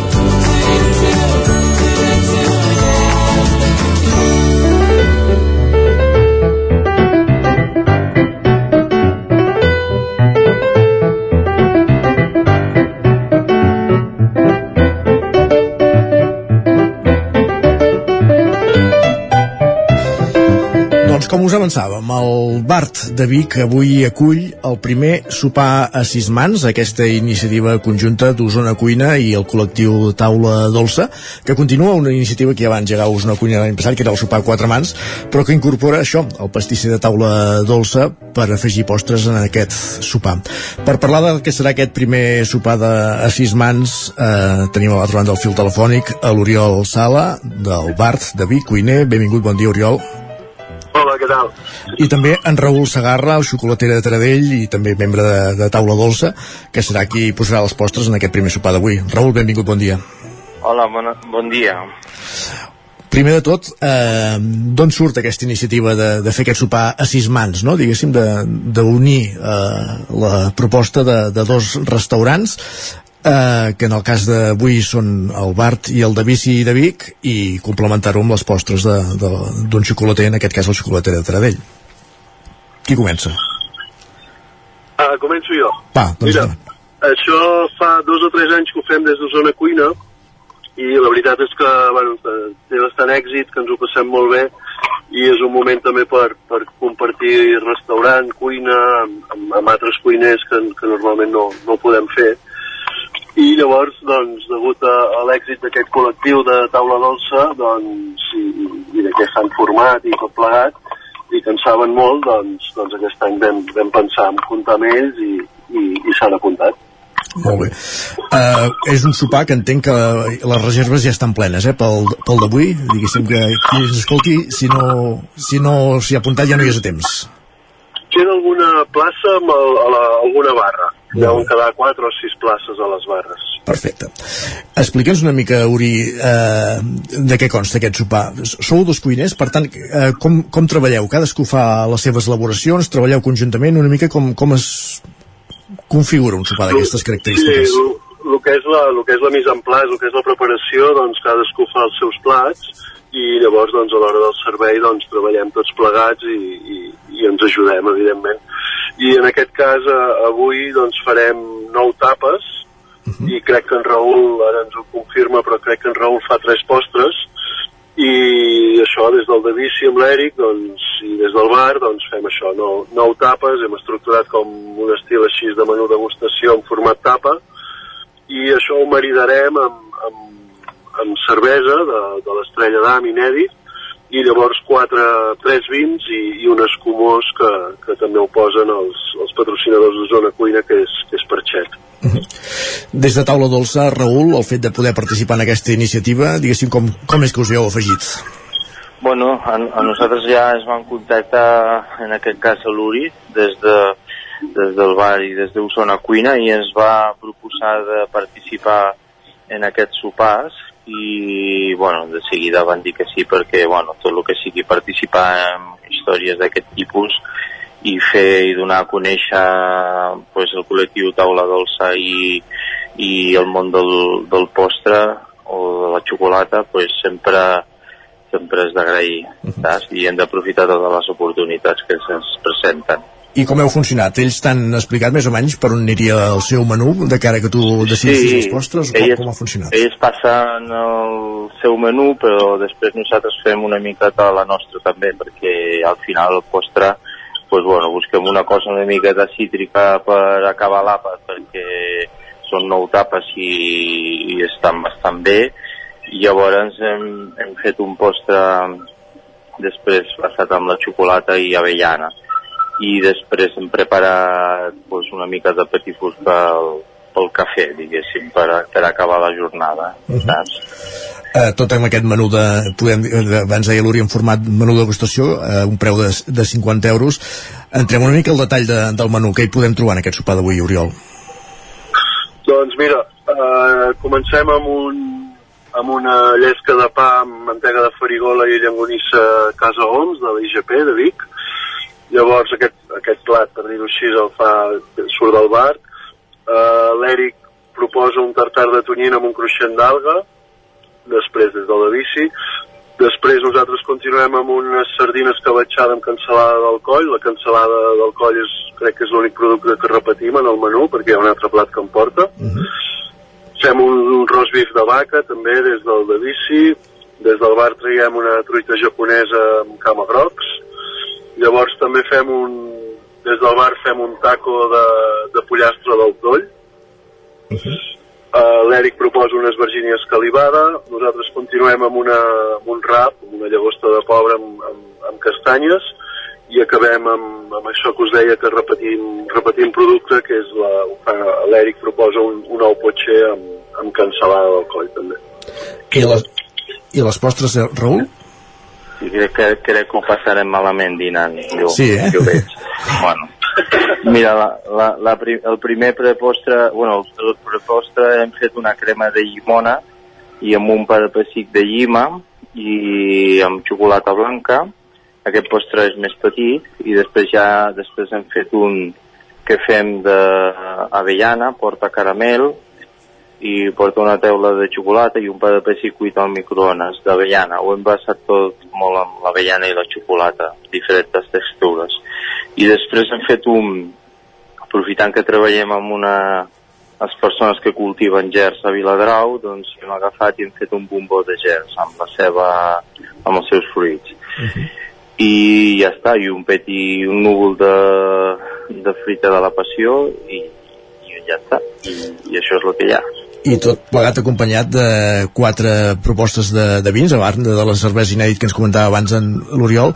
Eh, un blanc per començar llavors del Penedès, un altre negre del Penedès un negre del Montsant i acabeu amb un rosat també del Penedès amb, amb les postres. Eh, Oriol, aquest tipus d'iniciatives eh, evidentment serveixen per promocionar la cuina, per promocionar el col·lectiu, per promocionar els restaurants d'Osona Cuina. Eh, capteu nous clients o la, la gent que va venint ja són gent que ja és assidu als restaurants de zona cuina atretes, diguéssim, no, per aquestes noves iniciatives? Uh, no, sí, sí que, sí que ve gent nova i més que res el que passa és, és això, no? que, que gent que sempre com a primera opció doncs, aniran al de bici, doncs per culpa de que l'Èric ve a cuinar al bar, doncs venen al bar, coneixen l'espai, els hi pot agradar més o menys, i llavors potser tenen ganes de tornar un altre dia i suposo que passa igual amb, amb clients, doncs avui passarà igual amb clients fixes que té el Raül, doncs que vindran a sopar, ens veuran allà, un altre dia voldran tornar i, i una mica és aquesta la idea de promocionar restaurants, promocionar taula dolça i, i també el tema aquest d'utilitzar molt producte de, de proximitat. Uh -huh. Vam parlar amb tu quan, quan vas obrir aquesta nova proposta, el Bart, encara de fet estava a punt d'obrir, eh, ara que ja portem unes setmanes, uns mesos de, de rodatge, com, com està anant l'experiència? Bé, molt bé, ha, ha estat complicat al principi, com, com tots els principis d'aquest tipus de negoci, que és un... Bueno, clar, a mi em canvies la paella i ja no sé fer una truita, llavors si ja em canvies tot el restaurant ja es complica tot molt més.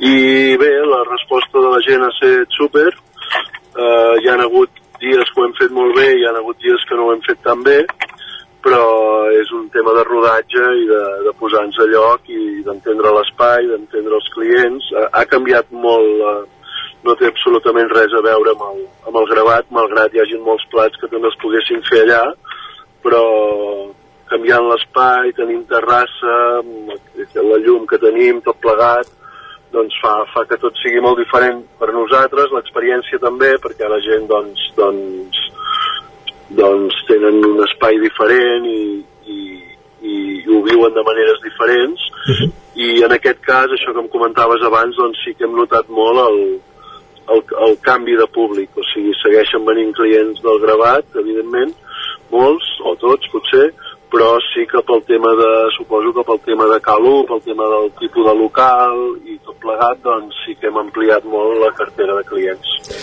I Raül, també en la línia, eh, ja fa uns quants anys que, que estàs implantat a Tradell, quan vas obrir aquest, aquest negoci, doncs era una iniciativa nova, dedicar-se a, la, a la xocolata, a la, als elaborats de xocolata, a la pastisseria, com valores l'evolució no? i el fet d'arribar ara ja amb aquest nou col·lectiu Taula Dolça?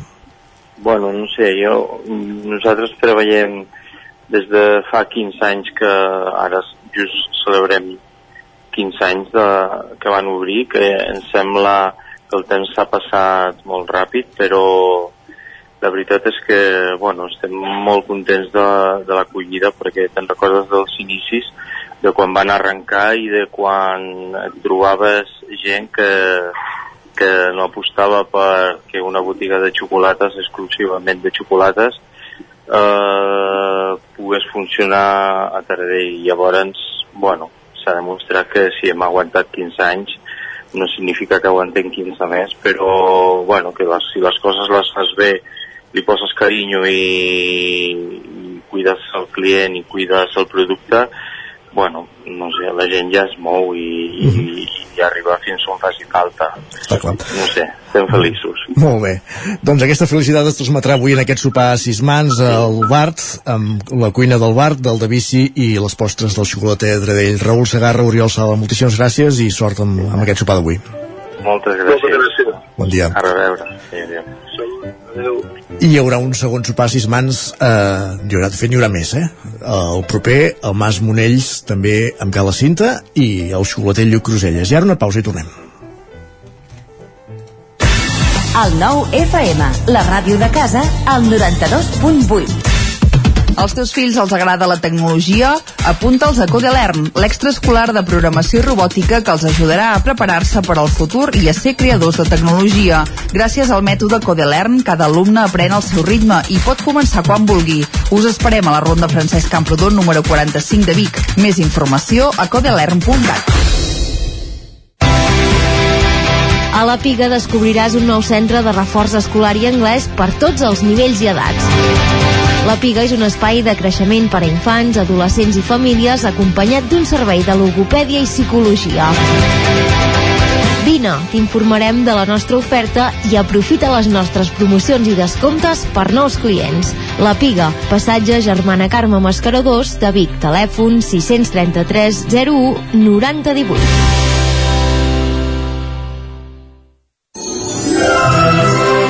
Arriba el Nadal i a l'Hiperbasar Liu ho trobaràs tot i a preus de fàbrica. Vine a conèixer la nova botiga Hiperbasar, la més gran de tot Vic. Ens trobaràs al carrer Torelló, 18 de Vic, al costat del Supeco, i al telèfon 672 62 15 33. Fa dos anys, el nostre món es va buidar i avui els plats de moltes famílies segueixen buits. Per això aquest any tornem a omplir-nos. Els dies 25 i 26 de novembre Suma't al voluntariat. omplim les caixes de solidaritat. Omplim el banc dels aliments. Registra't a granrecapta.com. Ajudar a omplir. Has esperat que arribi el fred per comprovar si et funciona bé la caldera? No pateixis, a Casa Jové som especialistes en manteniment, reparació i revisió d'equips d'aigua calenta i calefacció, tant en l'ambient domèstic com industrial. Si tens una avaria, no ho dubtis. Som Casa Jové. Ens trobaràs al carrer Girona, número 9 de Vic i al telèfon 93 886 1596. Casa Jové, el teu servei tècnic de confiança. Bon dia, són les 9 al Territori 17. La Miquel Parella. Cada matí i durant dues hores t'acompanyem i et posem al dia de l'actualitat de casa nostra. Potenciant així l'autonomia En aquest cas me la fes el taler si no... Cursos per feminitzar el pensament masculí. Territori 17, el magazín matinal d'Osona, el Moianès, el Ripollès i el Vallès Que la Oriental. meva àvia de 93 El nou anys... FM, el nou TV, el 99.cat i també els nostres canals de Twitch i té YouTube. demà per fer-se un tatuatge. Cada matí, Territori 17. Ole. Anuncia't al 9FM. La màquina de casa. 9 3 8 8 9 4 9 4 9. Publicitat arroba al 9FM.cat. Anuncia't al 9FM. La publicitat més eficaç. El nou FM, el nou FM, el nou FM. Ara mateix, en punt, són dos quarts d'onze al territori 17 i a dos quarts d'onze, com cada dia, ens acompanya en Guillem Sánchez perquè és el moment d'endinsar-nos al món de Twitter i de conèixer les pilades més destacades que hi hem trobat.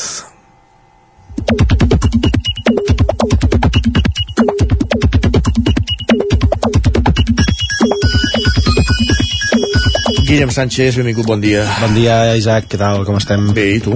Amb una mica de tos i una mica refredat, però, però bé, ja Ai, un sí. important. És Això fa- to- això fa Twitter, no, eh? No, no, no, és el que toca aquests dies, em sembla. Ah, d'acord.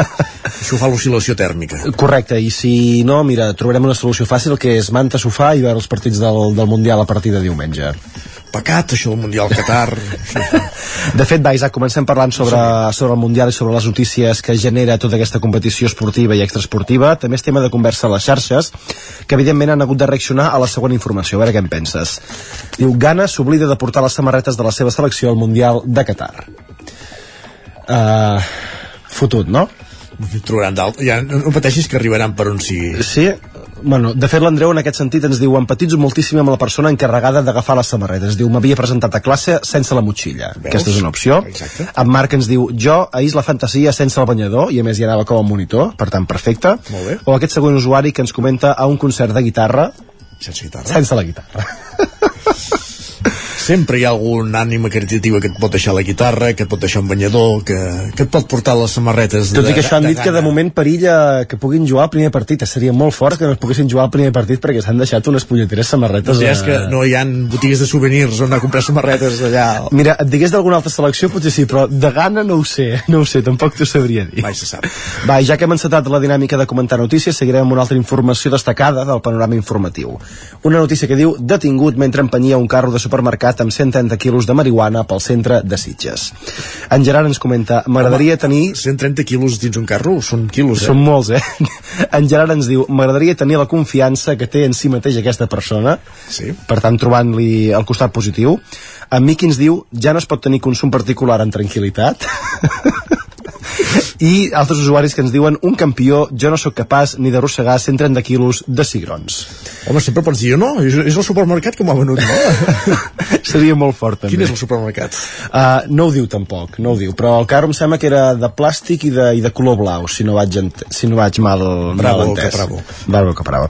Va, de cigrons no en sabem si en menja l'Àlex, el que sí que ens fa és una altra reflexió al voltant del menjar. Ens escriu molt a favor de la gent que no li agrada el sushi, seguiu així, més menjar per als que sí que en sabem. Hi, ha- hi ha gent que no és que no li agradi, és que no en pot menjar. Hi ha intoleràncies també, a vegades. Jo m'incloc eh, amb el sector de gent que no li agrada el sushi, per tant, oita, molt més sushi per... Pels que els- pels que ens agrada. I vinga, va, canviem de tema i ens centrem en la música, o podríem dir en la burocràcia, així ens escriu en Roger. Diu, s'ha dit ja que per fer un concert per a un ajuntament vol dir superar una gincama d'obstacles interminable, però al final cobrar tard i que no compensi les hores invertides en burocràcia? Tot el que porta administració és una mica farragós, no? Sempre. S'ha de dir així? Sí, sí. Per això els, els gats vells ja, ja, ho, ja ho calculen quan fan el pressupost. Passa que hauries de, de, de posar molt preu per les hores invertides en, en gestions i, i en coses. Eh? Llavors pateixis que les oques grasses els hi paguen. Perfecte. Va, i sí, seguim parlant de música. Bona reflexió de la Marta, que ens escriu quan et fas gran entens perquè els set nans cantaven tan contents en sortir de la feina. Ah. Està bé. Està bé aquesta. I en la setmana en què molts universitaris comencen també exàmens, que em sembla que és aquesta setmana, si no vaig mal entès, no sabem si a l'Eloi se li posaran bé o no, perquè ens escriu és que sóc a classe però no m'entero de res perquè el meu cap està a un altre lloc. Jo tinc una altra reflexió. Si està a classe, com és que està comentant coses per, per, Twitter, per Twitter i per les xarxes? Perquè hi ha ordinadors a classe. No hauria d'estar atent? No hauria d'estar atent? Tu estaves atent o parlaves molt del costat? Bueno, depèn de l'assignatura Ah, també, no? doncs ja de està. l'assignatura. Doncs mira, imagina't, depenent de l'assignatura i amb un ordinador al davant. Va, i dues reflexions per acabar pensant ja en la setmana que ve, la que ens comparteix l'Anna, que ens diu davant meu circula una furgoneta amb aquesta rotulació. Cada dia és un regal, fins i tot els dilluns. Tindria molt, molt debat, eh, aquesta, sí, aquesta sí, sí, afirmació. I també ens proposen una solució per no patir tampoc la depressió dels diumenges de la tarda, que hi ha gent que no li agafa el dilluns sinó ja el diumenge a la tarda, que és la de la Mar, que ens diu si el diumenge vespre li poses pam nocilla, és una mica dijous a la tarda, i tot es viu d'una manera més dolça. No, pam nocilla. Per cert, no tens cap piulada de, de l'espot camuflat de la Marató de TV3 que, amb el qual ens va obsequiar ahir la nostra, eh? Jo gairebé m'agafo un atac de cor avui al matí quan ho he llegit perquè no ho vaig estar veient en directe i m'he he- preferit no posar-ho perquè qui no ho hagi vist encara tingui l'oportunitat de, de poder-ho recuperar a través de xarxes o de, o de la web de TV3 que suposo que també hi deu estar enllaçat perquè m'ha fet una mica de...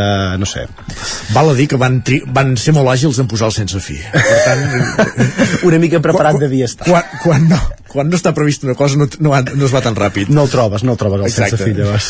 Va, ens escoltem dilluns, Isaac. Gràcies, bon dia. Que vagi bé. Ja ha acabat eh, aquesta visita, aquesta incursió que han fet a Twitter.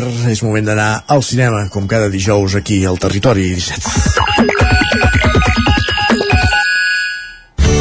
Territori 17. Envia'ns les teves notes de veu per WhatsApp al 646 079 023. 646 079 023. WhatsApp Territori 17.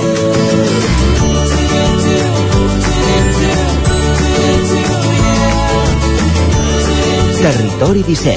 Som a Facebook, Twitter i Instagram amb l'usuari Territori 17.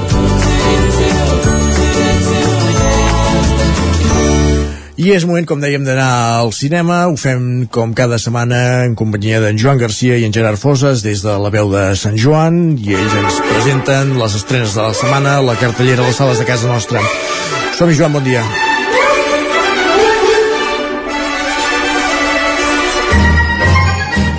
I una setmana més, moment de parlar de cinema i de fer-ho amb en Gerard eh, Fosses, com sempre. Hola, Gerard. Hola, què tal? Com va això? Doncs molt bé, i molt content perquè he tornat al cine a veure Asbestes i és d'aquelles pel·lícules que, que realment eh, impacten. Per tant, eh, eh, recordem que es va estrenar la setmana passada, pel·lícula de Rodrigo Sorogoyen, i mira, em serveix doncs, per insistir doncs, que, que l'aneu a veure, aprofiteu. No hi havia molta gent a la sala, això vol dir que potser dura poc, per tant, eh, tocarà córrer una mica. Tot i que em van dir que, o vaig sentir, d'algun crític de cinema que deia que fins i tot potser hauria d'haver anat als Oscars abans que, que el Carràs. Sí, no, no, sens dubte. Però no, no, no perquè sigui millor pel·lícula, bueno, això ja és a criteri de cadascú, eh? però sí que és un tipus de pel·lícula o un llenguatge que, que crec que els americans poden entendre millor o com a mínim eh, empatitzar-hi més, perquè juguen molt amb codis de, del western, eh, per tant, crec que sí que encaixa més amb el tipus de gust nord-americà en aquest cas, però vaja, això hi ha decisions de l'acadèmia. Molt bé, en tot cas, eh, avui no parlarem d'aquesta pel·lícula, que ja ho van fer, sinó de les estrenes d'aquesta setmana en concret, i, i amb què vols començar? Bé, començarem amb, amb un altre entrecot, en direm, que és aquests uh, àpats opulents que sempre venen de gust, i és que tenim aquí la nova pel·lícula de James Gray, director d'altres films com uh, Z la ciutat perdida o Ad Astra, entre, entre moltes altres. Un dels grans cineastes encara que conserven aquest, aquest sentit de la narrativa més, més clàssic i que ara torna amb el seu film més costumbrista que es titula Armageddon Type. Estados Unidos defiende una idea cuyo momento es ahora. Ronald Reagan ganará esta noche. Vaya idiota. Creo que quiero ser pintor de mayor. Serás pintor si lo quieres ser. Nada te podrá parar. Vas a ir a la universidad. Podrá sentarse a la mesa con Reyes si juega bien sus cartas. Me gustan mucho tus pegatinas. Regalo de mi hermanastro. Está en las fuerzas aéreas. ¡Hala! ¡Qué pasada! ¡Es una desgracia! ¡Una desgracia los dos! No volverás a ver a ese niño. ¿Qué dices? ¿Por qué? Lo sabes muy bien. Mis padres quieren mandarme al cole de mi hermano. Qué mal rollo. En esta institución podéis ser lo que queráis ser y no será porque os lo regalen, será porque os lo habréis ganado vosotros mismos. Algo te preocupa. Molt bé, explica'ns. Veiem això, un parell de, de nens separats, un és negre, l'altre l'altre és blanc. És una altra època, suposo que va per aquí la cosa, eh? Sí, eh, ens porta a una altra època que són els anys 80, allò, època Reagan, eh, Guerra Freda, eh, context, mm, diguem, de, de calma tensa, als Estats Units, òbviament amb molts conflictes eh, racials, i el protagonista en aquest cas doncs, és un, un, un nen que el separen de, del seu amic de veïnat, que és aquest, aquest noi negre, i, i acaba doncs, internat en una, en una escola que de fet el Consell d'Administració crec que hi ha el, el pare de, de Donald Trump i bàsicament que l'eduquen d'una manera doncs, amb uns valors que, que tenen més a veure amb l'elitisme, el capitalisme, el racisme que amb el que ja està habituat de, de tal de carrer no? Diu que el fet de transportar-nos a aquesta època tampoc tan llunyana um, però sí que, que diguem que amb, amb uns valors com, com molt definits doncs li serveix a, a James Gray doncs, per fer un, un anàlisi sociològic de, dels Estats Units actual. En el sentit doncs, d'observar una mica eh, d'on es ve i perquè s'ha arribat a aquest punt on, on lluny de, de marxar tots aquests conflictes que tenen a veure sobretot amb el racisme en aquest cas doncs encara estan més accentuats aquesta divisió social provocada sobretot pel, per Donald Trump i els seus seguidors eh, tot aquest moviment de Black Lives Matter que ha estat una reacció brutal a certs assassinats de la policia, violència policial, etc. I sembla com que tornem a una època que, que hauríem d'haver passat en algun moment. No? I aquesta pel·lícula doncs, serveix doncs, eh, per reflexionar sobre això d'una manera alhora que és, és trista però alhora molt, molt alegre és, és bastant lluminosa també la pel·lícula és com, com un conte de Dickens mm. però que en aquest cas doncs, eh, en una època doncs, més actualitzada i sobretot eh, enfocant-se en, en aquest aspecte més, més social. Mm -hmm. Dickens sí que era una, el trama molt més a nivell personal i aquí també, però aquí l'interès sobretot està en, en aquesta dimensió social de la història íntima que explica del conflicte racial dels Estats Units hi ha mil pel·lícules, i evidentment moltes mm. ja de l'època de l'esclavitud, però, però potser faltava això, una pel·lícula justament d'aquesta època, o, o mm. potser no n'hi ha tantes, que, que, doncs, que ens permeten també veure perquè estem on estem avui en dia i a més a més de, no sé, els que la veurem sí. serem de la generació d'aquests nens, no? més o menys Exacte, i, i, que, i sobretot que, que no sigui tant una pel·lícula de, de denúncia, sinó que sigui això, una mirada, digue-li si vols, innocent, com a mínim en, en el protagonista, perquè òbviament a la mirada que hi ha darrere la càmera té unes altres intencions, um, però bueno, que, que flueixi d'una manera molt més natural el, el discurs eh, i, i doncs que serveix també doncs, per empatitzar ja directament i per fomentar la, la reflexió que no sigui tant de menjar-te discursos ja, ja fets no? i aquest posicionament tan radical que tenim a vegades amb les nostres opinions. Molt bé uh, anem a la maternal perquè, ai perdó, ja he fet un spoiler anava a dir que es pot veure el sucre però dic anem, anem de cara a barraca, anem a cara a la segona perquè doncs Sí, també aquesta- vols fer repàs de Terror Molins i, i necessitem espai Sí, anirem molt ràpid. Aquesta pel·lícula, perquè no podem veure cap cine proper, però sí que la volia destacar perquè és la nova pel·lícula de Pilar Palomero, que ja va, va guanyar el Goya a millor direcció per Les Niñes, i que ara retorna amb una pel·lícula que es titula La Maternal. ¿Quién estabas? Chavales, estaba... Que te calles. Que te calles tú. Mira, como sigáis así, os van a volver a separar. ¿Qué ha pasado? Fui a la orilla del río. Y Hola, Carla. que Soy Rubén. Bienvenida. Aquí evaluamos, ¿vale? La puntualidad, la higiene, el respeto. que te ¿El resto? ¿El resto? Las chicas. Y que crecían amapola. Duele mucho, París. També dues amigues que les separen no? i tampoc agrada allà on els porten no? Exacte, perquè si tornem al territori de femení i al territori de l'adolescència, en el cas de Pilar Palomero, doncs li interessa parlar d'aquest tema i per aquí tira, no? també amb, l'època que no, no és actual. Eh, En aquest cas eh, estem parlant d'una noia adolescent que queda embarassada i, i l'acaben ingressant, perquè això detecta també des de serveis socials, en un centre on bàsicament hi ha mares adolescents que aprenen a, a cuidar doncs, el, els seus nadons. Uh, bàsicament és una pel·lícula que, que ens situa en, en un punt de contradicció, no? que dius que com segueix la, la vida uh, adulta quan encara no estàs preparat per, per viure-la. No? És un tema tractat mil vegades, però en aquest cas ho fa de, des, de, d'un punt de vista molt, molt sentimental, molt emocional.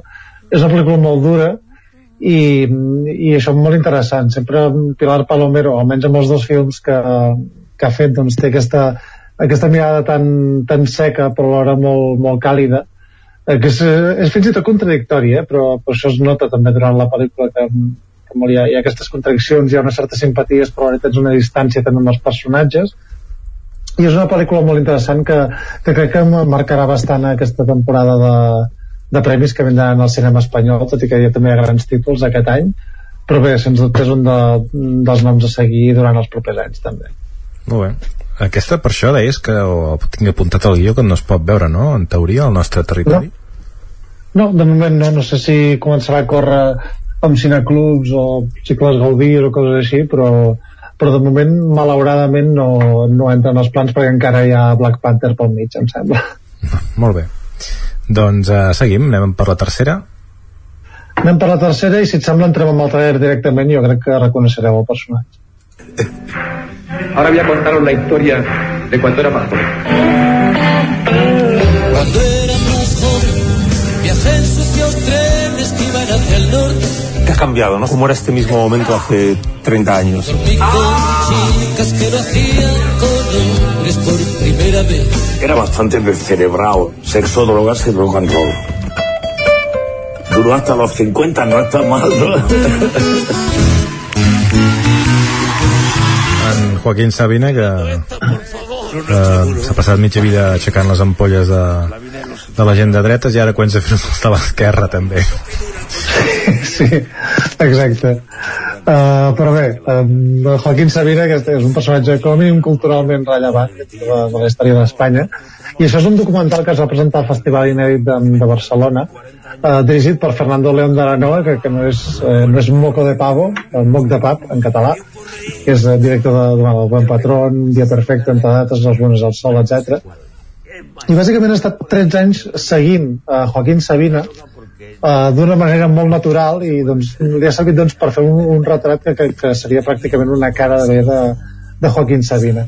És un documental molt interessant realment, perquè si pots veure de tot, des de um, com, com està a punt de preparar els concerts, de com diu la gira, uh, veus entrevistes, el veus borratxo dormint a casa.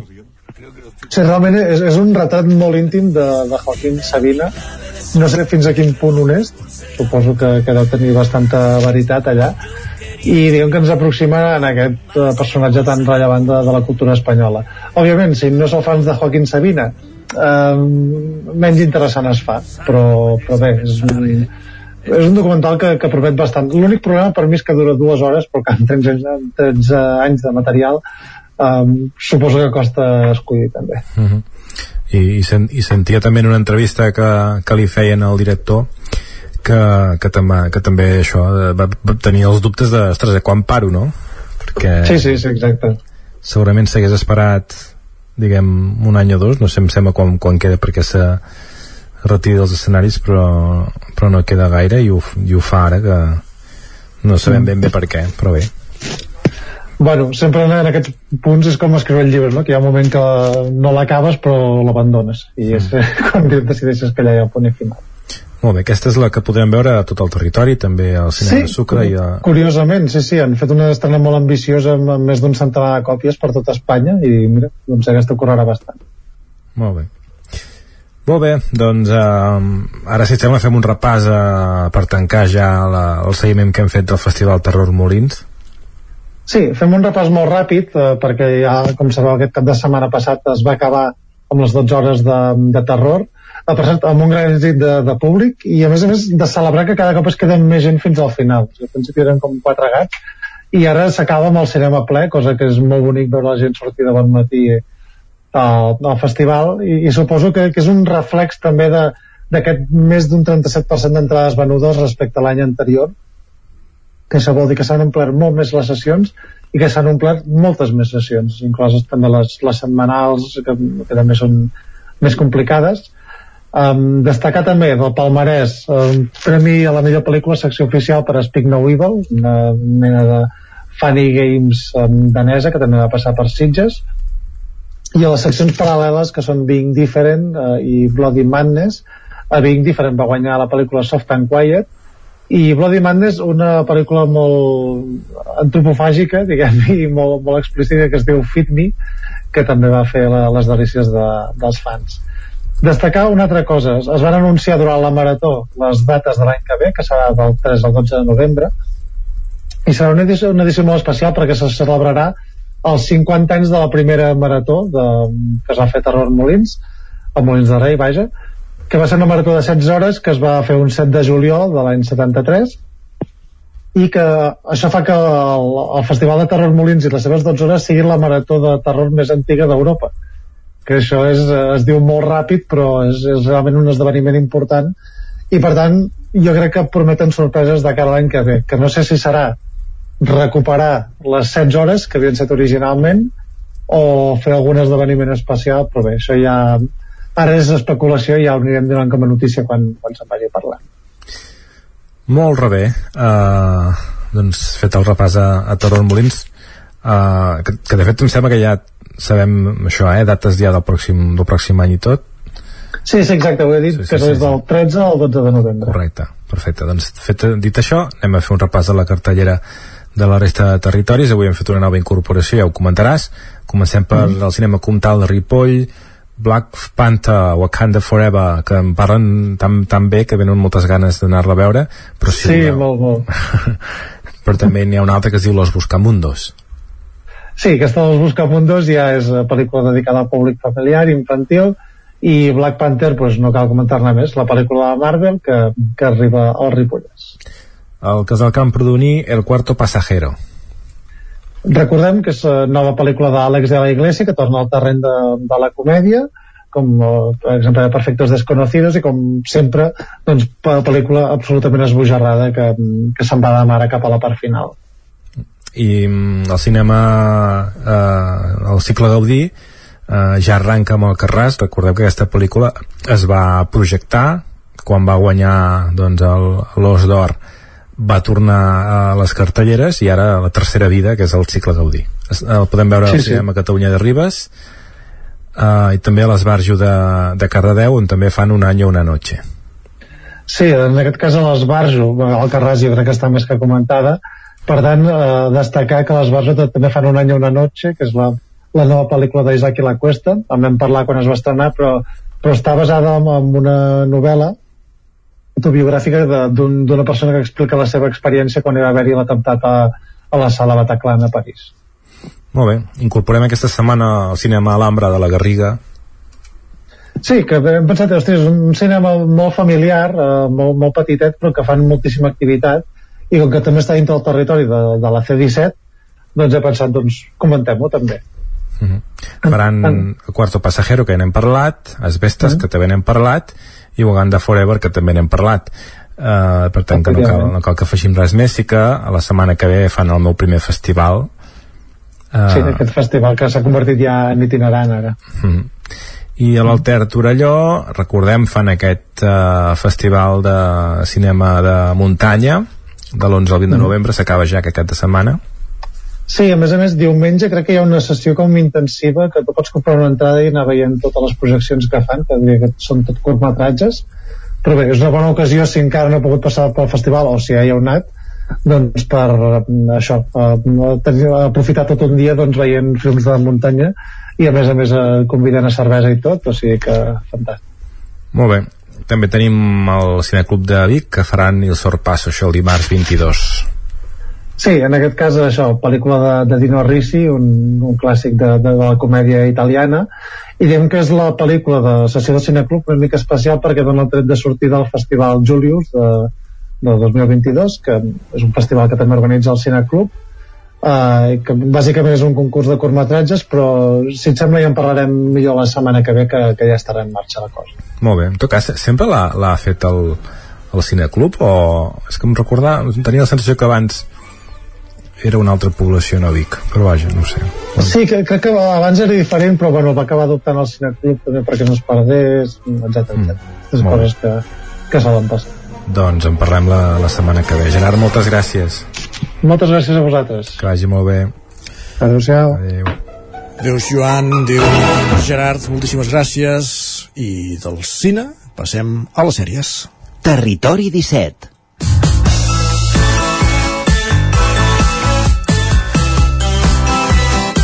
Sis minuts perquè siguin les 11, acabarem el programa recomanant algunes de les sèries i no només, també potser una, alguna pel·lícula que podem trobar a les plataformes. Avui amb en Pol Grau. Pol, benvinguts. Bon dia de nou. Què ens recomanes avui? Eh, us porto la sèrie de The Bear, El Oso, sí. disponible a Disney Plus, estrenada aquest any. Sí. Eh, una sèrie curta de 8 capítols, de mitjana de 20-30 30 minuts i l'últim uns 40 i alguna o sigui, amb una, tarda, amb una tarda la podeu veure, Sí. on ens parla de Carmi, un xef bastant reputat on estava el millor restaurant de, del món a Nova York i per la mort del seu germà que tenia un, un, un restaurant també, un bar d'entrepans de, de, a Chicago eh, mor i s'ha de fer càrrec d'ell Això, on... això és ficció, no? Perquè tothom sap que el millor restaurant del món és el del Roca i és a Girona, no pas a Nova York, però vaja. eh, del món o d'Estats o d'Estats Units Exacte. No, no, I- amb, amb d'allò. Volia fer la- l'apunt graciós, ja està. Pots Sí, sí, important aquí el Roca.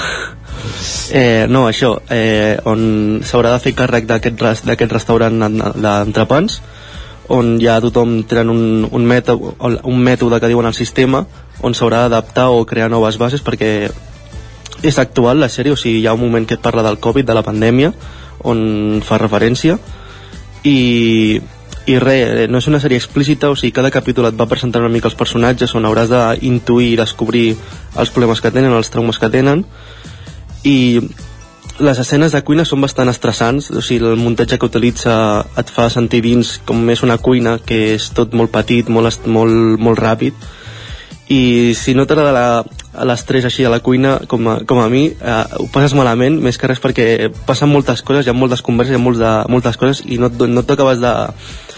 Mas, massa informació per lo que... Masses coses. Molt.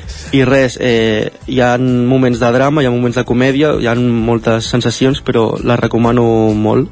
Eh, disponible a Disney Plus, 8 capítols i molt curta de veure. I ens la vinculaves amb una pel·lícula, no? Que deies que tenia Sí. certa relació. que aquesta pel·lícula es va estrenar al, a principis d'any, al febrer o així, que és la de Hierve, disponible a Filmin, sí.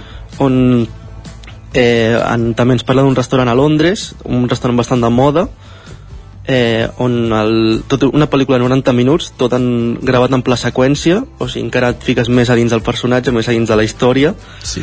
on ens parla d'una nit, d'un dia del restaurant, una nit, una nit bastant, bastant moguda, bastant, passen bastantes coses, bastants clients, Amb molt de però també tenen visites ines, una visita inesperada del inspector de sanitat, on en va fer la, la inspecció habitual, i res, eh, 90 minuts pla seqüència que van rotant pels personatges de les diferents accions però que també eh, no para la, és un, no, un cop comença és una muntanya russa de sensacions i al final acabes estressat com el protagonista que és el xef de el, com es deia l'Andy Jones sí.